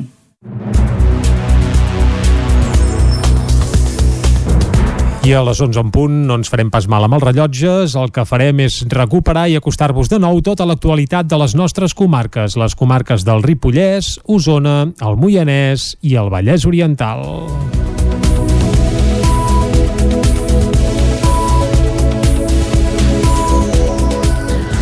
Incidents a la comissaria dels Mossos de Vic després de la concentració de suport a Pablo Hasél. Centenars de persones es van concentrar ahir a la nit a la plaça Major de Vic per mostrar el seu suport al raper Pablo Hasél, detingut aquest dimarts a la Universitat de Lleida per complir l'ordre d'ingrés a presó dictada per l'Audiència Nacional. Es van convocar concentracions a diverses ciutats de Catalunya i també de la resta dels països catalans. Un cop acabada la concentració de la plaça Major, els manifestants es van desplaçar cap als jutjats de Vic i finalment davant la comissaria dels Mossos d'Esquadra al Sot dels Pradals. Alguns dels manifestants van llançar pedres i van trencar els vidres de la comissaria dels Mossos que es van veure sobrepassats per la quantitat de gent que hi havia. Precisament els Mossos d'Esquadra van informar a dos quarts d'onze de la nit que hi havia quatre detinguts a Vic. També hi va haver incidents a d'altres ciutats com Barcelona i Lleida. El conseller d'Interior, Miquel Samper, i el major dels Mossos d'Esquadra, Josep Lluís Trapero, han visitat aquesta mateixa mitjanit la comissaria comissaria dels Mossos de Vic després dels incidents.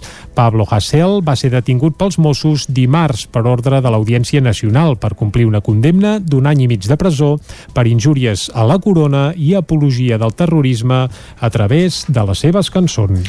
Les defenses de Mohamed Houli i Idris Kabir insisteixen en que el primer va col·laborar amb la policia i que el segon no formava part de la cèl·lula terrorista. Isaac Muntades des de la veu de Sant Joan. Si no hi ha canvis d'última hora, el judici dels atemptats de Barcelona i Cambrils del 17 d'agost del 2017 quedarà vist per sentència aquest dimecres, després que en la sessió de dimarts la defensa de Mohamed Huli presentés el seu informe final, mentre que la de Drisu Kabir es va quedar a mitges després que el president del tribunal, el jutge Fèlix Alonso Guevara, deixés amb la paraula a la boca l'advocat defensor, Luis Álvarez. La lletrada de Juli, Maria del Carmen González, que tornava a la sala després d'haver superat la Covid-19, va basar la seva estratègia de defensa en tot el que havia deixat entreveure en l'interrogatori als testimonis i pèrits, en remarcar la col·laboració d'Uli amb la policia Y fue una persona que no solamente reconoció la fotografía de las personas que él sabía y le constaba que estaban urdiendo un plan, sino que lo hace ya en sede de Mossos de Escuadra, lo hace después en sede judicial, aporta muchísimos datos, datos que eh, esta misma defensa en muy pocos procedimientos entiende que ha habido seis declaraciones en sede de Mossos de Escuadra y cuatro declaraciones en sede judicial y todas ellas han sido amplias, contestando a todas las preguntas. Una col·laboració que els agents dels Mossos d'Esquadra ja van dir que no es va produir. González es va abonar les tesis de l'advocat del pare del nen de 3 anys mort a la Rambla, Agustí Carles, i va afirmar que no es va provar que l'ADN localitzat al xalet del Canà fos de l'imam de Ripoll, Abdelbaki Essati, i per tant que fos mort. A més, va recordar que un testimoni va veure un vehicle fugint de l'explosió. González va presentar a Juli com una persona manipulable i vulnerable per ser radicalitzada i per tant no se'l podia acusar de formar part d'una organització terrorista i menys després d'afirmar segons ella que no coneixia els plans de la cèl·lula. També va apuntar que Juli va comprar bombones de votar precursors d'explosius or per ordre d'altres membres del grup perquè estava amenaçat i que no va elaborar explosius. D'altra banda, l'altre advocat d'Ucabir, Eva Papadopoulos, va començar la defensa de l'acusat dient que ell no coneixia els plans d'atemptar i per tant que no se la podia acusar d'assassinat i que els Mossos no van saber situar mai el seu ingrés a la cèl·lula terrorista. Així ho raonava Papadopoulos aportant proves de que Drisu Kabir no havia estat mai al xalet del Canà i que estava lluny dels postulats del jihadisme. Hay contradicción entre los testigos. Todos los testigos no les sitúan en Alcanar, solamente el tes un testigo protegido. No hay huellas. Ni siquiera tampoco consta la participación en cuanto a la compra de los elementos que estaban depositados en la casa de Alcanar. Él sigue con su vida. Cuando una persona se radicaliza, evidentemente se produce un cambio en la vida de esa persona. Él sigue siendo lo mismo. Seguía saliendo de fiesta, seguía bebiendo alcohol, consumiendo drogas y, por supuesto, ni pasaba por la mezquita ni tampoco practicaba religión alguna. Per la seva banda, Álvarez va assegurar que la investigació li generava molts dubtes, com per exemple pel que fa als reactius caducats utilitzats presumptament en els laboratoris dels Mossos a l'hora d'analitzar l'ADN durant el 2017. De fet, va elogiar la Guàrdia Civil i va criticar els Mossos dient que no havien respectat la cadena de custòdia, sobretot pel que fa al seu telèfon mòbil. També va negar que fes contravigilàncies o que comprés telèfons mòbils al Marroc. Aquest dimecres s'espera que parli la defensa de Said Ben Yasa i que els acusats puguin utilitzar el seu dret a l'última paraula. Detingut infraganti, un jove reincident que va cometre dos robatoris amb violència i intimidació al centre de Granollers. Violentava i colpejava les seves víctimes, que eren sobretot menors d'edat. David Auladell, de Ràdio Televisió, Cardedeu. Els Mossos d'Esquadra van detenir el 13 de febrer un home de 21 anys com a presumpte autor de dos delictes de robatori amb violència i intimidació a Granollers. L'arrestat, que ja havia estat detingut dos cops poc temps abans, actuava sobretot al centre de Granollers i ho feia a la tarda malgrat que el carrer estava ple de gent. Segons explica la policia, buscava sobretot gent jove, la majoria menors d'edat i els intimidava cridant-los i insultant-los. Inclús els feia creure que duia una arma blanca o els colpejava. En alguna ocasió havia arribat a escanyar per darrere alguna de les seves víctimes mentre li exigia exigia diners o el telèfon mòbil. Aquesta darrera detenció es va produir el dissabte al voltant de les 8 del vespre. Els agents van rebre l'avís que un jove havia estat agredit per un altre. El noi va rebre diverses bofetades, però el lladre no va arribar a robar-li res. Amb la descripció facilitada pel jove, els agents van localitzar el presumpte agressor quan s'estava encarant amb una noia amb la intenció de sostreure-li el telèfon mòbil i va ser detingut. El jove va passar dilluns a disposició del jutjat de guàrdia de Granollers que va decretar-ne llibertat amb càrrecs. El personal educatiu de fins a 55 anys començarà a vacunar-se aquesta setmana. L'operativa permetrà als professionals que escollin entre un dels 37 centres vacunals de Covid-19 que Salut ha desplegat arreu de Catalunya i entre algunes franges horàries preestablertes. Està previst que avui mateix ja s'obri aquest torn per, com, per començar-se perdó, a vacunar. Aquest col·lectiu s'afegeix a d'altres que ja l'estan rebent, com ara els farmacèutics, els funcionaris de presons o els cossos de seguretat i emergència dies. D'aquí a pocs dies començarà també la vacunació de persones de més de 80 anys que no viuen en residències i grans dependents. L'Escola Municipal de Música de Caldes reprèn l'activitat presencial de manera segura. Caral Campàs, des d'Ona Codinenca. Gràcies a la relaxació de les mesures anticovid que van entrar en vigor el passat 8 de febrer, l'Escola Municipal de Música Joan Valls ha pogut reprendre la seva activitat presencial. Per aquest motiu i amb la voluntat de garantir la seguretat tant de l'alumnat com del personal docent, l'Ajuntament de Caldes ha posat a disposició del professorat test d'antígens per qui s'hi vulgui sotmetre a través de l'autopresa. Fins ara les havien realitzat a gairebé tots els treballadors amb tots els resultats negatius. La setmana, la primera setmana de represa de l'activitat encara hi havia dos professors que no s'hi havien sotmès l'un perquè encara no havia de tenir contacte amb alumnes i l'altre perquè feia molt poc que s'havia fet una altra prova. Tot i això, el comunicat de l'escola del passat divendres confirma que la totalitat del personal ha realitzat el test d'antígens i que cap ha donat positiu. A més d'això, el centre ha expressat que fins ara no ha programat activitats perquè ni tan sols podia fer classe, presencialment, però que n'està preparant per tenir-les a punt de cara a l'abril o al maig. Pel que fa a la presència de Covid-19 a la resta de centres educatius de Caldes, segons les dades que ofereix el Departament d'Educació d'Educació, l'Escola Montbui compta avui amb un sol grup classe confinat. En concret, són 19 persones que compleixen confinament protocolari arran de la detecció d'un cas positiu en un alumne. S'ha presentat a Taradell una cooperativa gestionada i pensada per jubilats. Es tracta de la cooperativa Més 65, una iniciativa que ofereix serveis a personal de la llar i persones autònomes de més de 65 anys. La presentació es va fer al Centre Cultural Can Costa i Font. El projecte que arrenca té l'objectiu de facilitar la vida a les persones grans sense que marxin de casa. Ho expliquen Emília Bosch, presidenta de la cooperativa, i Josep Vidal, director general d'Economia Social. Uh, la idea és evitar riscos, evitar possibles accidents i que sobretot, sobretot, la gent uns ens ajudem als altres per fer que aquesta jubilació sigui el màxim de temps llarga i puguem continuar vivint a casa cadascú sap el que necessita i es tracta només de fer-ho saber amb una trucada de telèfon i ja està. Ens fem grans, la, la, la gent quan es fa gran necessita un altre tipus d'atenció, tots en necessitem al llarg de la nostra vida, però hem de trobar els models i hem de construir els models que, que permetin que es puguin quedar al, al municipi. La gent gran té molt a oferir encara al municipi, pot fer emprendre, pot generar economia i la cooperativa és una demostració. La prova pilot es farà a Taradell, però s'espera implantar el model a tot el territori de la Mancomunitat La Plana. Així ho va avançar Ferran Teixidor, president de la Mancomunitat. Com a prova pilot ens anirà bé per poder valorar eh, quines necessitats podem cobrir i això ens ha d'assolir poder viure, tenir una bellesa una mica més digna i, com deia l'Emília, poder-te quedar a casa quan més temps millor. Actualment la cooperativa està en fase d'incrementar la borsa de proveïdors i augmentar la llista de socis i sòcies. Ofereixen tot tipus de serveis i ja compten amb professionals per fer petites reparacions, per jardineria, informàtica i també per oferir serveis sanitaris com ara fisioteràpia. I fins aquí el butlletí informatiu de les 11 del matí. Ara el que farem és anar cap al territori sostenible, com cada setmana, amb Jordi Givert. Avui s'ha acostat fins a Sant Pere de Torelló. Anem-hi.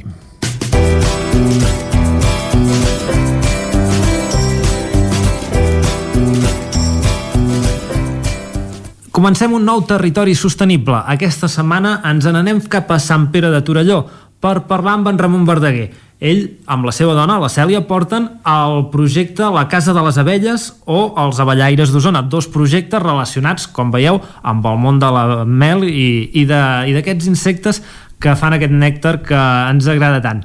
Uh, Ramon, bon dia. Bon dia, bona, bona tarda. Uh, Ramon, uh, no, sé, no sé si ho he dit bé això de nèctar, no sé com, com en dieu a, a, a la mel, uh, però volíem conèixer com treballeu una mica i, i que ens expliquis eh, alguna cosa sobre el, el cultiu, bueno, el cultiu de, de la mel. Uh, com, com comenceu vosaltres el, el projecte?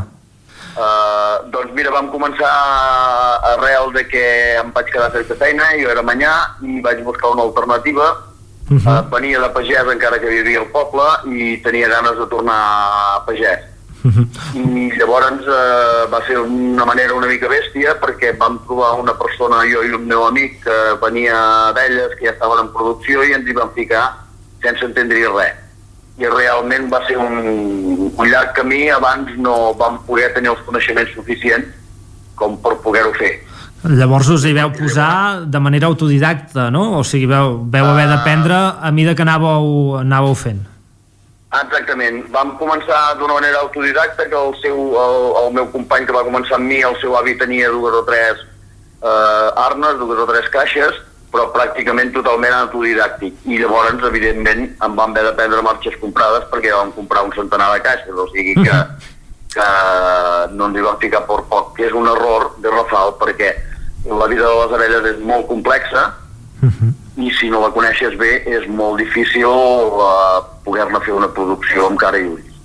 Vull dir que bueno, vam fer cursets d'apicultura, vam anar moltes vegades a França, vam tenir la sort que en aquell temps per aquí hi havia una persona de la Generalitat que es cuidava de les abelles i feia cursets i ens va poder acompanyar uh -huh. i realment vull dir, ho vam veure d'aprendre a base de garrotades Clar, i, i heu passat, veig que el projecte ha sortit bé perquè ara vosaltres eh, expliqueu i ensenyeu eh, com és eh, aquest món de, de la cria d'abelles i de la, de la producció de mel per fer-nos 5 cèntims de, de saber com, com treballeu, uh, com, com és el, uh, la cura de, de, de la mel, que, com, com l'aconseguiu? Ens pots explicar una mica tot el, tot el procés?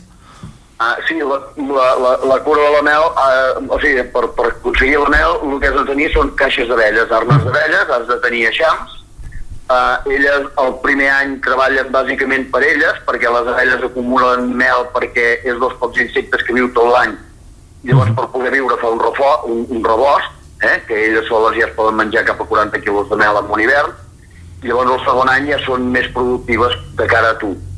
Uh -huh. uh, perquè puguin ser més productives, uh, el que també fem és anar-les canviant de lloc.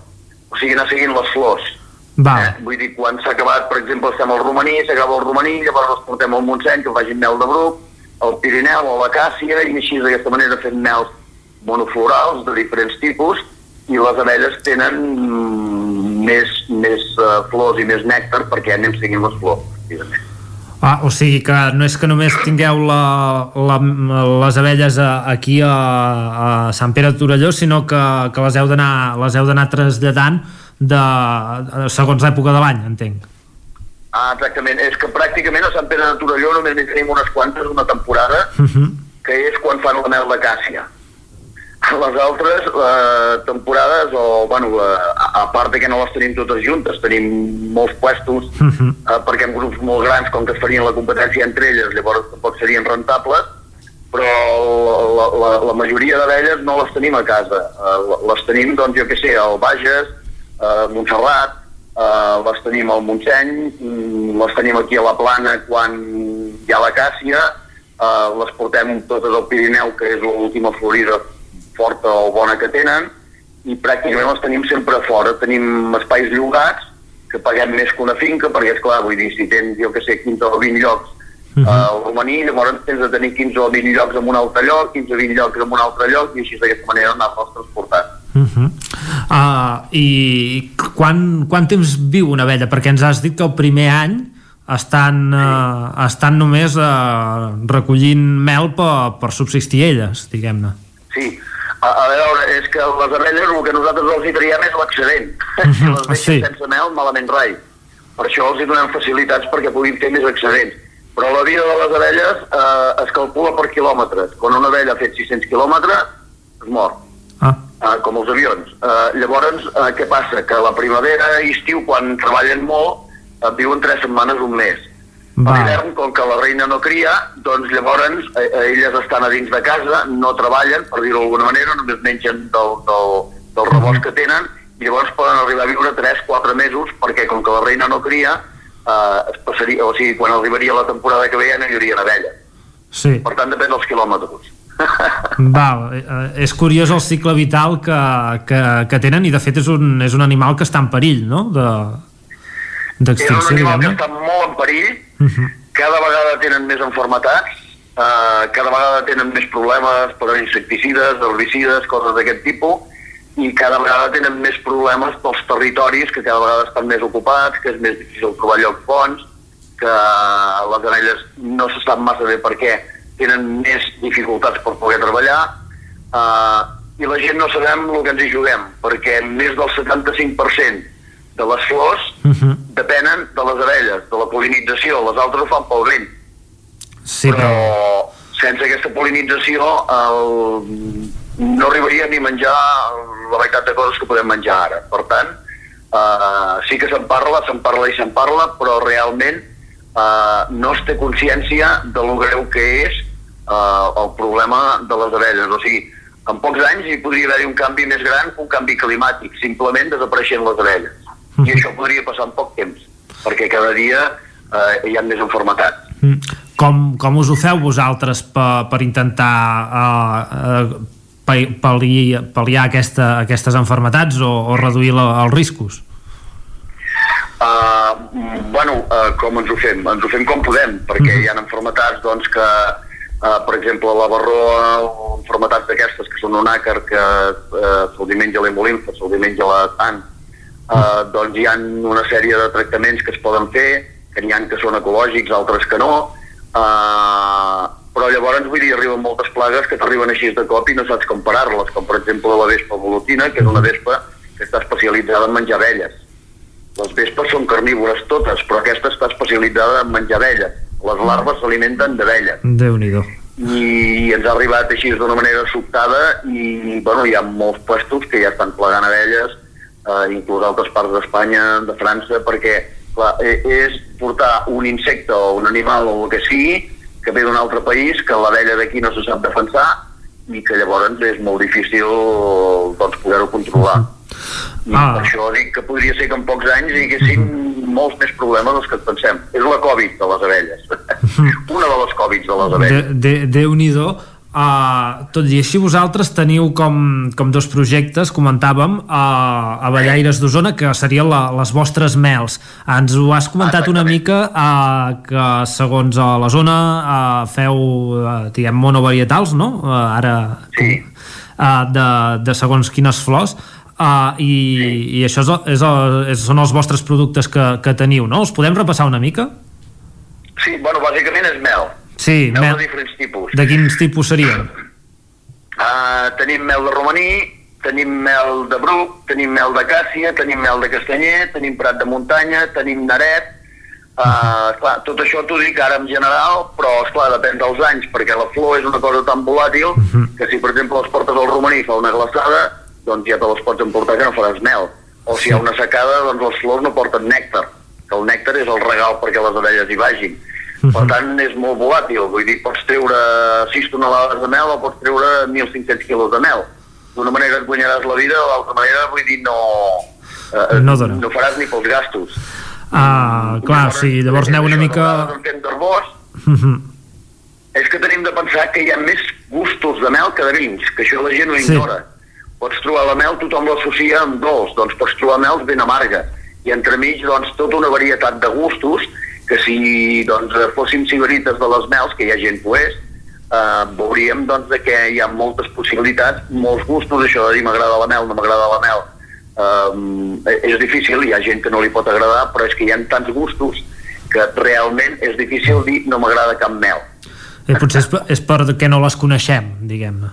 no les coneixem. Així com amb els vins hi ha una cultura, amb les mels no hi ha una cultura. I d'aquí va néixer una mica eh, el, el fet de que nosaltres volguéssim ensenyar a les escoles i a la gent gran eh, les abelles, vull dir, per, per, per la importància que tenen, per la polinització i, i per donar cultura de mel. Que aquest és el projecte de la Casa de les Abelles. Amb, eh, Ah, ens, ho- ens ho explicaves ara, no? que, que feu visites comentades a la gent que tingui interès i, i a les escoles, quan, quan sí. la pandèmia ho permet, suposo. Quan la pandèmia ho permet. Aquest any, vull dir, eh, tenien de passar 4.000 nanos i en van passar 250. Vull dir que perquè et facin una idea. Que, de fet, eh, no siguem ingenus. Nosaltres, eh, viure a pagès és molt difícil, perquè, a més a més, també teníem terra, teníem porcs. Eh, avui en dia, ser pagès és una cosa complicadíssima i el de les abelles, ensenyar-ho, doncs ens va donar una altra alternativa. I és que, a més a més, és molt interessant perquè la gent no sap ni el color de les abelles. Sí. Si tu li preguntes a un nen de quin color són, et diran que són grogues i negres, i les abelles són pràcticament negres amb ratlles marrons. Saps què vull dir? Sí. I com s'ho han fet les flors i les abelles per ajudar-se unes a les altres, és una història fascinant. Com, eh, clar, és el, el procés aquest de, de polinització, mentre els altres, eh, les abelles aconsegueixen aliment, pel que dèiem, no? per, per tenir un Ah, rebost exactament. durant tot l'any. Ah, Exactament, però és que tens de pensar que només el que han arribat a fer les flors per atrapar, ai, per traure el, els insectes i bàsicament l'abella, que hi ha altres insectes que polinitzen, però l'abella és el- l'estrella, perquè precisament viu tot l'any i ha d'emmagatzemar mel, només el que han fet les flors, el dels colors bonics, eh, el de perfumar-se, el de convidar-te a menjar, perquè el nèctar és un reclam, és un menjar perquè les abelles tinguin interès per les flors. Uh, tot això no han inventat els homes i les dones, doncs, de posar-lo un vestit maco, doncs, de portar-te amb un bon sopar. Això ho han inventat les flors. Eh? I els colors també els han inventat les flors, els vestits, vull dir, els han inven- inventat les flors. Uh, dibuixar ho han inventat les flors. Hi ha flors que tenen un dibuix d'una abella per atraure-la o d'una papallona. Vull dir que només aquest món ja és un món. Llavors l'organització que han hagut de fer les abelles per poder subsistir tot l'any, perquè els insectes es moren de fred, doncs poder fer calefacció, perquè les abelles escalfen, estan a 36-37 graus a dins de casa seva. Ventilar quan fa molta calor. Repartir-se les feines, vull dir, perquè una serà la, la que pon ous, la reina, diuen, bueno, que és la mare, en realitat no és reina, és mare. La ballot, eh, la ventiladora, la que va recol·lectar mel, la guardiana, eh, l'escombriaire, tot el món que s'han arribat a fer és algo impressionant i evidentment llavors hi ha la feina de l'apicultor que també és tot un món eh? saber com has de portar les abelles com pot ser coixer mels monoplurals com pots saber si una mel està adulterada o no el gran problema d'aquest producte com de tants altres és que s'adulteren i llavors baixen els preus i tu no pots competir en preus mm, amb una mel bona I també, perquè te la fan deixar i preu també és un problema de, de la manca de cultura de, que hi ha de la mel perquè a vegades el produ els productes més accessibles són aquests que no tenen la qualitat que haurien de tenir. Ah, exactament. Bueno, uh, um, aquest és un i l'altre que l'administració ho permeti. Sí. Eh? Perquè tu pots posar mel en una cosa que és un 70% de, de glucosa. Per tant, vull dir, totes les mels que comprem així en supermercats i tot això, realment mm, són més glucosa que una altra cosa, i la glucosa em sembla que val 30 cèntims al quilo. Per tant, mm, clar, no pots competir amb tota aquesta història. Que també passa, doncs, jo que sé, amb un poet que si li fiquen un 50% de greix o té un 25%. Saps què vull dir? O Sí. tants productes. Però amb el cas de la mel, mm, doncs saber si tu menges mel o menges glucosa, mm, eh, mm, si no saps com distingir-ho, mm, malament rai. Vull dir, per exemple, avui en dia hi ha gent que comença a dir la teva mel és crua o no és crua, perquè per barrejar-hi altres productes la mel l'has de bullir. Sí. I jo li dic, no, no, la meva mel és natural. El que l'altre és bullida i llavors hi han barrejat altres coses, però vull dir, en el fons ja és un sistema de raconar-te. Tu fas mel crua, com si la bullida fos més bona. No, no, la mel és crua, punt. Saps què vull dir? Sí. I això la gent no ho sap. De vegades es pensa que quan cristal·litza, perquè les mels cristal·litzen, que és una garantia de que és bona, doncs eh, és que ja has barrejat sucre. No, no, per barrejar-hi sucre el que has de fer és bullir-la perquè si no llavors fa capa. Eh? Vull dir, hi ha molta desinformació. Doncs, uh, Ramon, se'ns acaba el temps. Uh, convidem a tothom a entrar a la, a la web de la Casa de les Abelles i, i que quan es pugui us vinguin a fer una visita per descobrir i, i fer una mica de, de cultura de, de, de mel, també per, per conèixer una mica millor la feina de l'apicultor i, i el món eh, de les abelles i, i la mel. Doncs us ho agraeixo molt perquè, mm, per exemple, en aquest temps de la pandèmia hem notat molt que la gent ha tornat a menjar productes de casa, que això ja és important. I, eh, que nosaltres quan no tenim escoles també puguem subsistir és importantíssim perquè vull dir, si no, no hi haurà gent que et pugui ensenyar la realitat de la natura, la realitat de les coses que són realment importants per tu. Us ho agraeixo molt. Uh, gràcies a tu per, per fer-nos aquesta classe, aquesta introducció uh, i explicar-nos una mica uh, el vostre projecte. Nosaltres ens, ens despedim i tornem la setmana que ve amb una altra uh, secció del territori sostenible.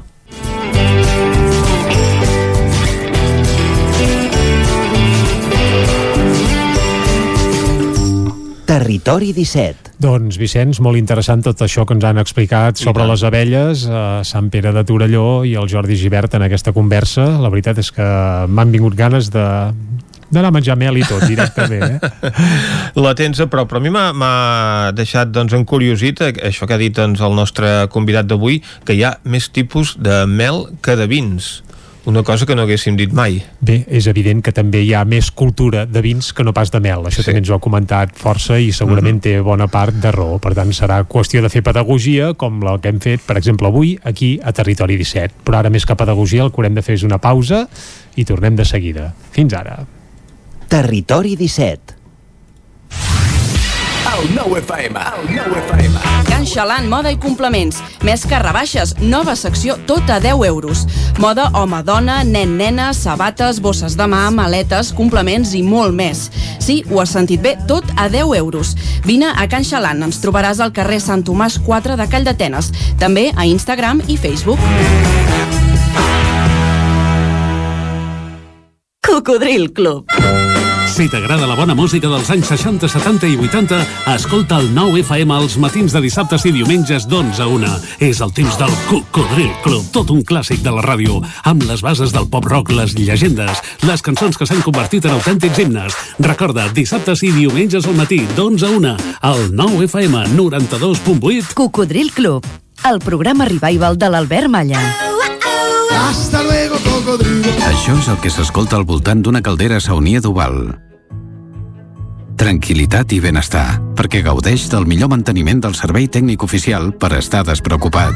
O el que vulgui. Informis a Oficiat Nord trucant al 938860040. Saunia d'Oval, sempre al seu costat. Cobertes serveis funeraris. Els nostres tanatoris estan ubicats en els nuclis urbans més poblats de la comarca d'Osona per oferir un millor servei. Tanatori de Vic, Tanatori de Manlleu, Tanatori de Centelles i Tanatori de Roda de Ter. Sabem que són moments difícils i per això el nostre compromís és atendre-us en tot moment amb un tracte humà, sensible i respectuós. Cobertes serveis funeraris. Telèfon 24 hores 93 883 23 46. Anuncia't al 9FM. La màquina de casa. 9 3 8 8 9 4 9 4 9. Publicitat arroba al 9FM.cat. Anuncia't al 9FM. La publicitat més eficaç. Són temps de reptes. A la Fogonera n'hem aconseguit 3. Servir arrossos d'estrella per emportar i a un preu de justícia. Aquest hivern tenim l'arròs de calçots en tempura. La Fogonera, la rosseria de paelles per emportar a GURB i que també et portem a casa. Telèfon 93 851 55 75 i a lafogonera.cat. I quan cau la nit, Popurrí Culinari, solucions per sopar les nits de divendres i dissabte. Entra a popurriculinari.cat i tria. El restaurant El Racó de León no s'oblida dels seus clients en aquests temps difícils i us ofereix els vostres plats preferits per emportar. Reserves al telèfon 93 889 1950. Obrim amb el 30% d'aforament. Disposem de menjador i terrassa amb totes les mesures de seguretat. El 9 FM, el 9 FM, el 9 FM, el 9 FM. Territori 17. Dos quarts de 12 en punt del matí i el que farem ara, Vicenç, eh, descobrirem Catalunya de seguida, eh? però connectarem en directe amb la seu del Departament d'Interior a Barcelona, on el conseller d'Interior en funcions, el Miquel Samper, està fent una compareixença per analitzar el, bé, tot el desgavell que hi va haver ahir a la nit a molts indrets, un d'ells a Vic, on hem anat en directe també, on es va eh, bé, pràcticament destrossar bona part de la comissaria, si més més no del seu aspecte exterior. Per tant, escoltem ara mateix el conseller Samper, que està parlant de tots els fets succeïts ahir en aquesta compareixença que hi ha ara mateix en directe. Connectem-hi. Però jo els demano, per favor, que les manifestacions siguin pacífiques, que arribin al límit del que és manifestar-se i expressar-se, expressar-se lliurement. Però la violència, insisteixo, no té cabuda. El màxim, la màxima autoritat en matèria de drets fonamentals de la Unió Europea és el Tribunal Europeu de Drets Humans i parla que les conseqüències de l'exercici de la llibertat d'aquesta manifestació i d'expressió són molèsties, mai violència. Ahir es va produir un atac a una institució del nostre país. Qualsevol comissaria de qualsevol poble, de qualsevol ciutat de Catalunya és una institució catalana que defensarem com qualsevol altra institució. Però tinguem-ho present, tinguem-ho present. Hem de deixar aquesta violència que vam viure ahir. Jo els hi dic que només els hi demano no perquè jo tingui més tranquil·litat ni interior en aquests dies, sinó perquè realment la gran majoria de persones que es volen manifestar i exercir la seva protesta legítima ho puguin fer amb totes les garanties, amb tota la seguretat i sense cap risc. Per favor, els demano, els prego, com els deia al principi, que ens manifestem, que protestem, però que ho fem de forma pacífica. Si els sembla, perquè pugui explicar amb més detall tots els fets i dades que van succeir ahir, li passaria la paraula al comissari Joan Carles Molinero. Bé, moltes gràcies. Doncs hem escoltat eh, part de la compareixença que ha dut a terme el Miquel Samper, conseller d'Interior en funcions, que ha fet una crida sobretot al pacifisme i a que les mobilitzacions que es van viure ahir a diferents punts del territori català, que van tenir una afectació especial, recordem-ho, a la ciutat de Vic, on hi va haver molts desperfectes a la comissaria dels Mossos, doncs el conseller que ha fet això, aquesta crida a la serenor, a la mobilització, però sempre pacífica i respectant, evidentment, el dret a mobilització per un cantó, però sempre això, de forma serena i pacífica. Vicenç, si et sembla, fet ara aquest apunt, hem escoltat una mica aquesta compareixença, part de la compareixença del conseller d'Interior, anem a descobrir algun racó de Catalunya? Anem-hi. Doncs avui eh, anem cap al Ripollès.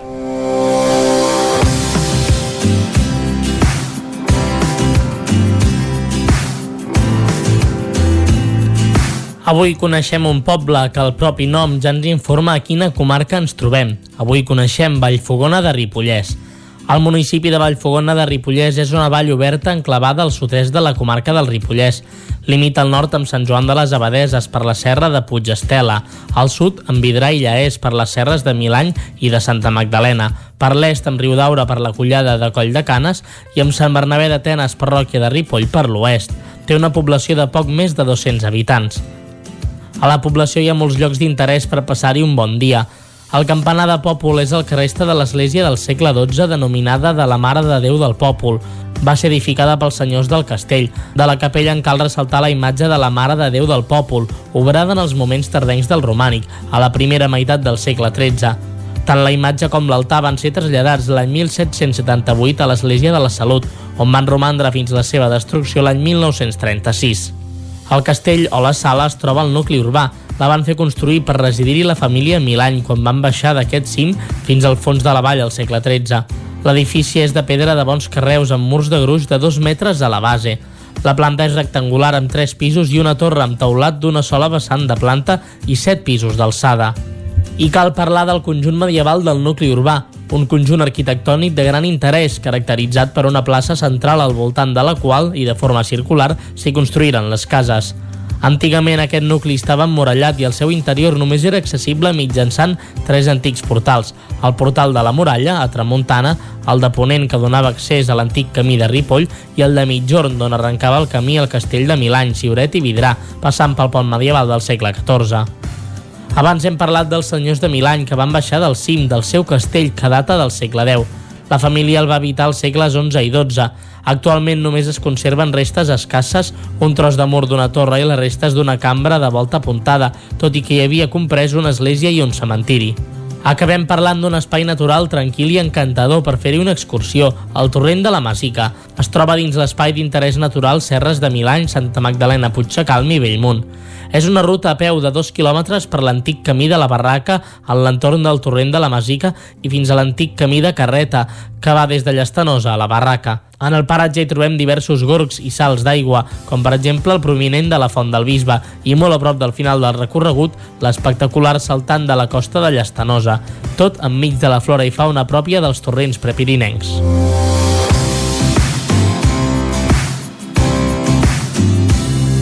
Territori 17. Doncs avui hem conegut les bondats de Vallfogona de Ripollès, un poble del qual ahir ens va parlar també l'Isaac Muntades, perquè va ser l'únic municipi del Ripollès on no va guanyar la llista del, vaja, de l'expresident Puigdemont de Junts per Catalunya, sinó que Vallfogona va guanyar Esquerra Republicana. Una curiositat com una, com una altra. Bé, és un poble on Esquerra hi té arrelament.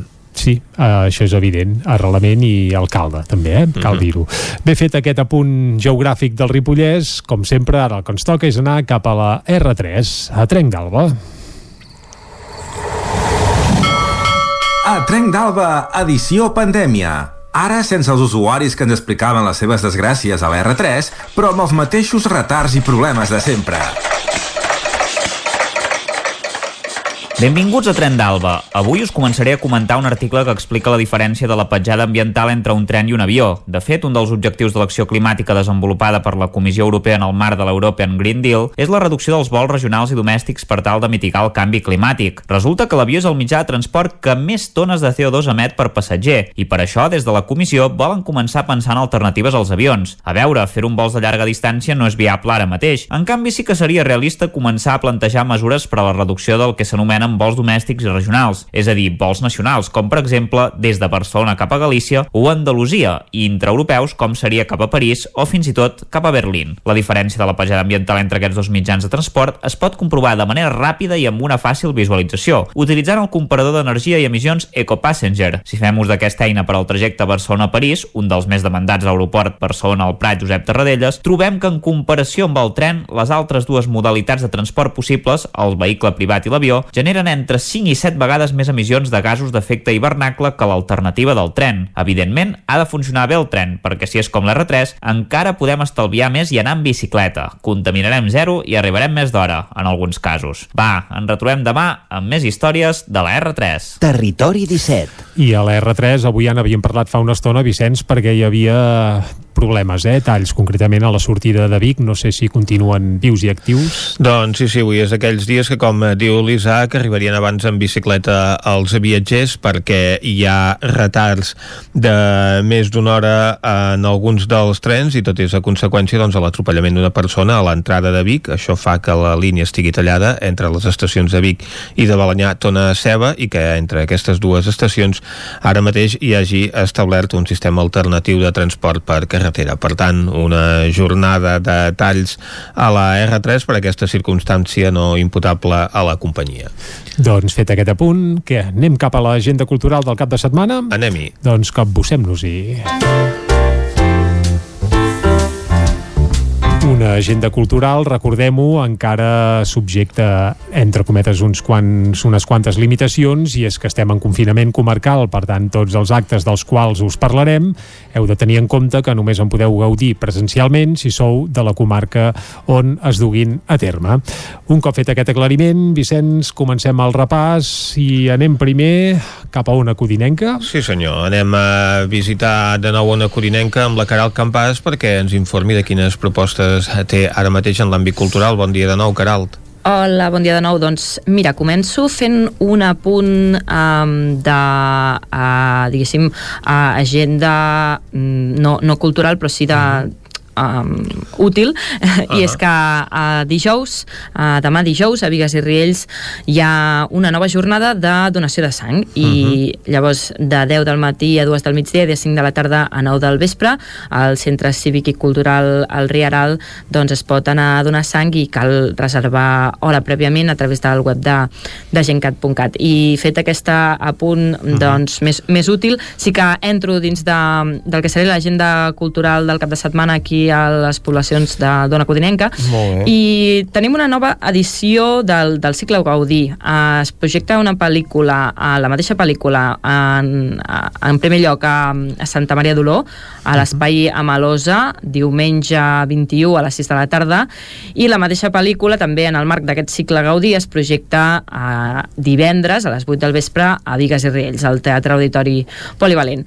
Llavors es presenta Um, es, es projecta, perdó, La boda de Rosa, aquesta pel·lícula, que és una comèdia dramàtica, i parla, doncs, uh, d'una dona que, que diu que sí a, a tothom, que, que tothom li exigeix molt i, i ella mai sap dir que no, i arriba al límit quan el seu pare, que és viudo, doncs, li diu que s'instal·larà a casa seva, llavors ella decideix uh, doncs, marxar i uh, refugiar-se a un taller que portava la seva mare a Benicàssim, i allà uh -huh. pren una decisió que és casar-se amb, amb si mateixa. Llavors, tota la pel·lícula doncs, gira al voltant d'aquest fet. I què més tenim? Doncs a Vigues i Riells tenim un espectacle d'humor amb Impro Show aquest dissabte a les 7 de la tarda al Teatre Auditori Polivalent, també igual que, que la projecció de divendres, doncs en aquest cas um, dissabte a les 7 de la tarda uh, presenten i proposen un espectacle um, Impro Show que, que si ho coneixereu doncs els actors surten sense guió i és tot uh, improvisat i també um, fent una mica de dinamisme amb, amb els espectacles espectadors. Uh -huh. I acabo amb activitats que tenim, en aquest cas, aquí a Sant Feliu de Codines. Avui fan l'enterro de la sardina, que cada any eh, es fa, i aquest any proposen doncs, que la gent us segueixi a través del perfil d'Instagram Lo Rei Carnestoltes, tot junt, Lo Rei Carnestoltes, uh -huh. doncs aquí a les 10 del vespre eh, es farà un, un Instagram Live per doncs, que la gent pugui seguir l'enterro de la sardina Um, el que faran és recollir tots els ninots que hi ha escampats per diversos llocs de la població amb un carro de morts i tota la comitiva fúnebre mentre doncs, canten en soltes satíriques. I un cop arriben a la plaça de l'Ajuntament doncs allà ho cremen tot amb una comitiva fúnebre on hi ha doncs, un bisbe, un guàrdia civil, capellans i les viudes del rei Carnestoltes. I, i ha, precisament també a la plaça també hi ha un dels ninots que és un coronavirus gegant amb un, un virus amb una corona i una cara del rei. Uh, doncs tot això ho retransmetran a les 10 de la nit per Instalive a través d'aquest aquest perfil, lo rei Carnestoltes.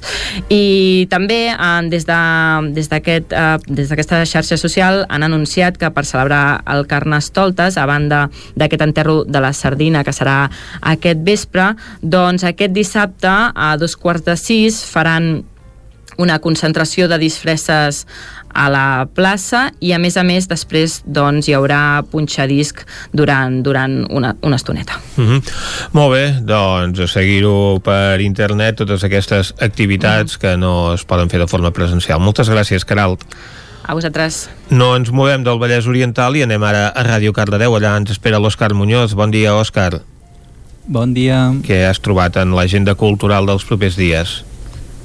Doncs sí, comencem aquí a Cardedeu. Uh -huh. eh, dissabte a les 8 del vespre tenim l'espectacle Pugilartus de l'Escarlata Circus, un, un espectacle que ja vam parlar farà dos mesos o així, uh -huh. però que no es va poder fer a causa de la Covid. I això, eh, Pugilartus és una experiència teatral oberta i tan cada quatre costats, on el públic i els actors doncs, compartiran el mateix espai uh -huh. i doncs, temes de conversa com l'educació, la religió, el menjar, doncs tot això ens ho trobarem en aquest periple teatral a un cost de 10 euros que podem trobar les entrades a la taquilla del Teatre Auditori de Cardedeu. Uh -huh. I diumenge tenim sons pels més petut, eh, pels més menuts, menuts, diem, nadons de 0 a 2 anys. És una experiència per ells i també pels seus, bueno, per les seves famílies i volen que no sigui un concert només eh, en viu per ells, sinó alguna experiència més. I això, seran cinc sessions uh -huh. eh, durant el diumenge, començaran a les 10, a les 11, a les 12, faran la pausa i després tornaran a la tarda a les 4 i a les 5 eh, doncs això, pels més petits amb un cost de 5 euros així tothom pot anar a la funció que més li convingui exacte. Ara ens anem a Granollers on divendres tenim un altre eh, un altre concert de, de jazz al Casino de Granollers i ens presenten en, en Joan Marc Sauquer Quintet que recuperen a, ens trobarem que recuperen el repertori i la manera de fer música i les idees estètiques dels anys 30 i 40 des d'una perspectiva una miqueta llunyana, no? De, arqueològica, diguem, uh -huh. i això, aquest és el punt de partida del trompetista gironí Joan Marc Sauquer, que a banda de ser un dels trompetistes més sol·licitats del panorama del jazz del nostre país, doncs també dedica part del seu temps a fer la recerca. D'aquí recerca musical, d'aquí doncs, que això s'hi fixi en aquestes estètiques dels, dels 30 i 40. Uh -huh. Podrem comprar les entrades a, al casino de, de Granollers mateix, 15 abans de, de veure l'espectacle. Molt bé. Dissabte, al Teatre Auditori de Granollers, tenim l'obra de teatre Encara hi ha algú al bosc. Serà a dos quarts de vuit i això és un minuciós treball de recerca i de creació escènica a partir de diversos viatges que van fer a Bòsnia i Herzegovina per donar veu a les dones víctimes d'aquest conflicte que va haver-hi i als fills i filles nascuts de les violacions que van patir.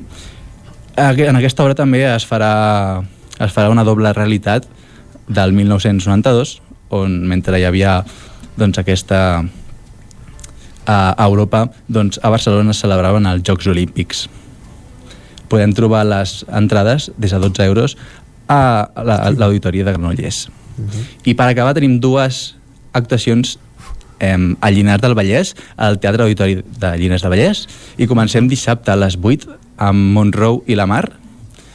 Això ens relaten una trobada entre l'actriu i la inventora Hadi Lamar i també doncs, l'actriu Mary Monroe el dia abans de la seva mort. Uh -huh. Aquesta obra la protagonitzen la Laura Conejero, l'Elisabet Casanovas, el David Bert i l'Eloi Sánchez.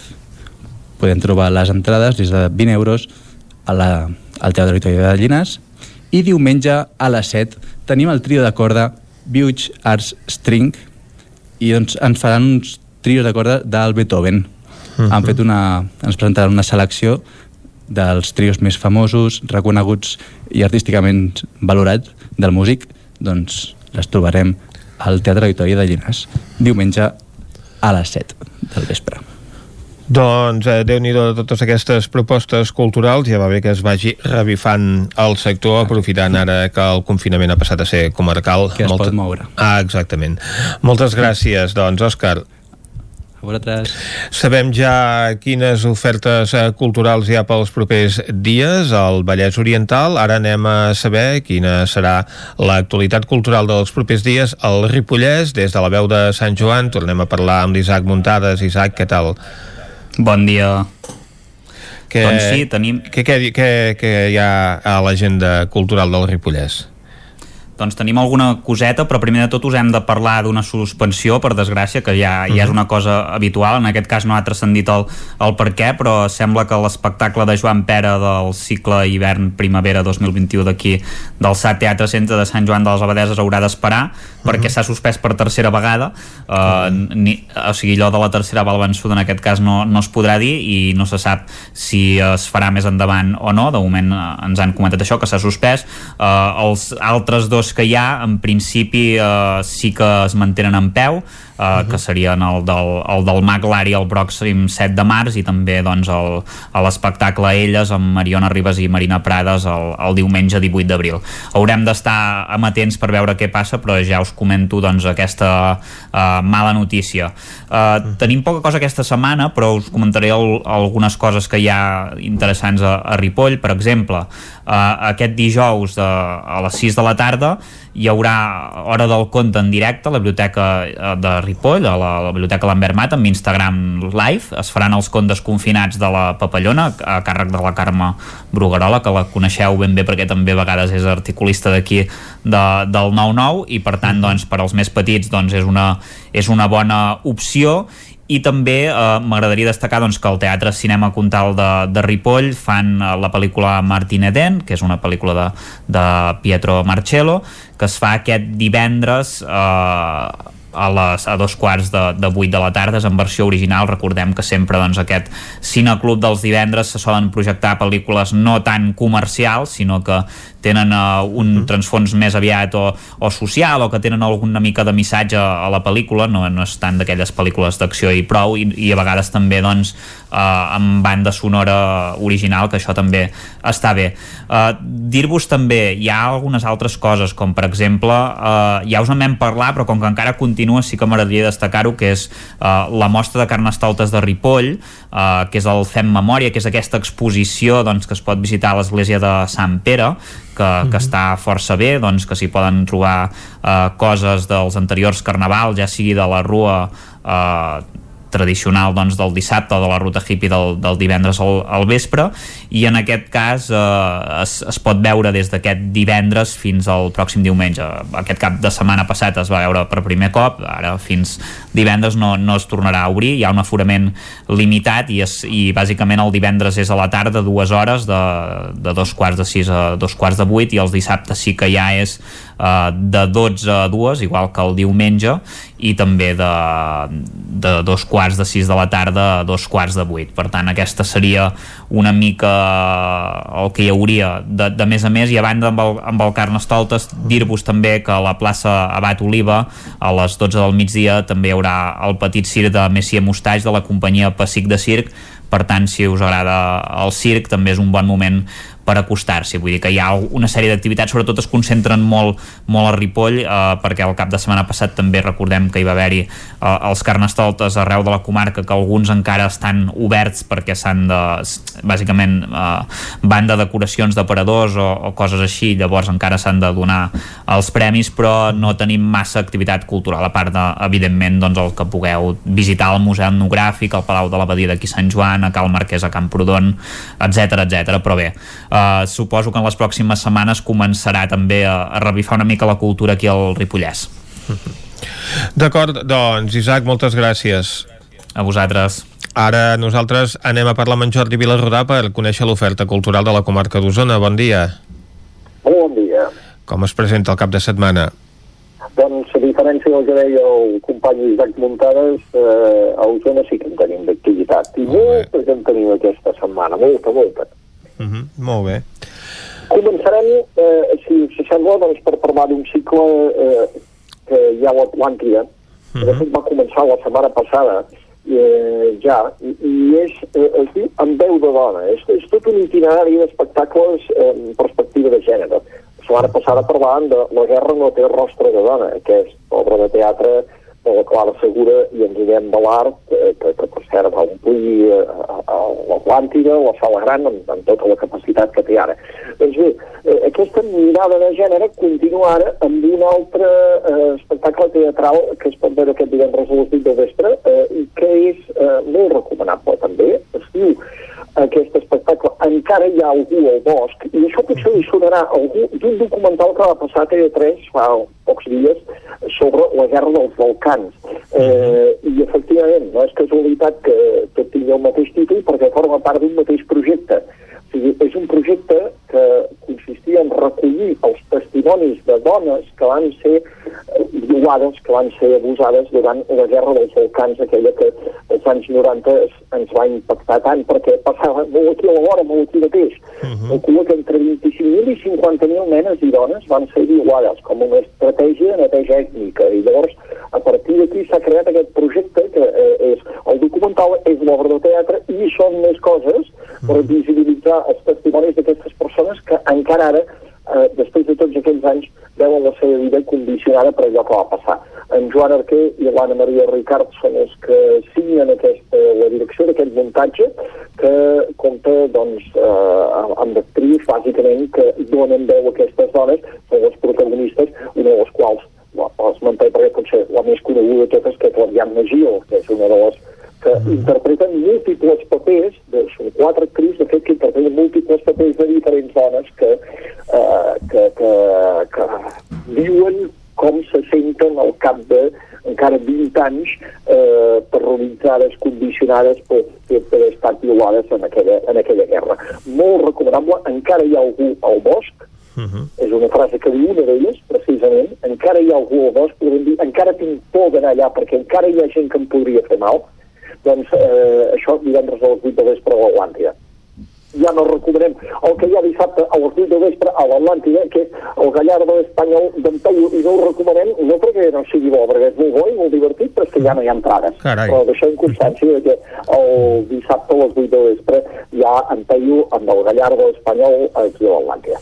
I en general eh, cap a una altra proposta de teatre amb mirada social, que és la que eh, ens porten els teatrets d'Isona el diumenge a les 6 de la tarda al Teatre Eliseu de Roda. L'obra es diu Al Hayat, o La suma dels dies. Eh, de fet, es va poder veure ja a l'Atlàntida el mes d'octubre passat, aquesta obra. I és una obra que parla dels camps de refugiats. Eh, van muntar-la la Laia Foguet i Laura Foguet, la Laura Foguet, que són germanes, a més a més, a partir d'una experiència que van viure elles mateixes anant com a voluntàries en un dels camps de refugiats de, de Grècia, en, anant d'allà un estiu doncs, a ajudar. I, I una de les coses que, que es va fer va ser construir una biblioteca, o sigui, en aquell camp de refugiats. I llavors ells teatralitzen doncs, aquesta experiència eh, explicant com en determinats moments eh, què passa en aquests camps i com a vegades de l'amistat, de la relació, en sorgeix fins i tot enmig d'aquella situació tan desastrosa una cosa tan màgica com una biblioteca. Hi ha, doncs, en el repartiment, a part de trios conegudes com la Georgina Latre, per exemple, hi ha un actor usonenc, el Moja Amazian, que està destacant cada vegada més, el Moja, eh, d'aquí pocs dies, per cert, ja en parlarem, ho veurem en una cosa, el Teatre Nacional de Catalunya, el Moja, doncs eh, forma part doncs, del repartiment d'aquesta obra un paper molt destacat.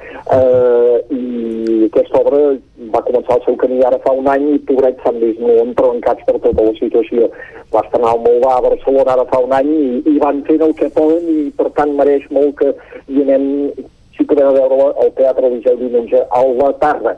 Eh, una altra proposta dels teatrets d'Isona, aquesta per públic familiar i també el diumenge a les 6 de la tarda, en aquest cas a Sant Hipòlit, a la sala petita d'Isona. És un espectacle que es diu Laika, de Xirriquiteu de Teatre. Mm, és molt premiat aquest espectacle. Entre altres, va treure el Premi BBVA de Teatre eh, que es va donar, doncs, es, es va donar fa dos anys.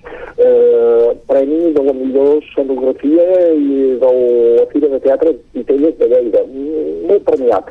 Uh -huh. De què parla? Laika és aquella gosseta que els russos van enviar dintre d'un satèl·lit espacial l'any 1957 eh, donar voltes pel, pel voltant de la Terra i, i que al final doncs, es va fregir com el satèl·lit. I va ser la primera víctima eh, eh, en vida de, de la carrera espacial. Eh, i, i, I Laika doncs, és la, la gosseta aquesta eh, que, que se li dona vida en aquest espectacle que utilitza també tècnica de teatre de titelles animats eh, i, i, que, i, que, i que val molt la pena doncs, de, de poder veure també perquè a més a més ve avalat per tots, per tots aquests premis. Doncs Jordi, nosaltres hem de marxar també com un coet perquè arriba l'hora del final del programa.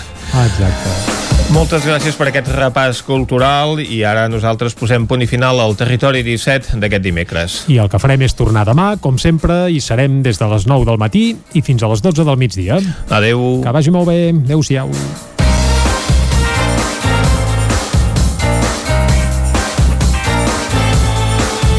Territori 17, un magazín del nou FM. La veu de Sant Joan, Ona Codinenca i Ràdio Cardedeu amb el suport de la xarxa. El nou FM.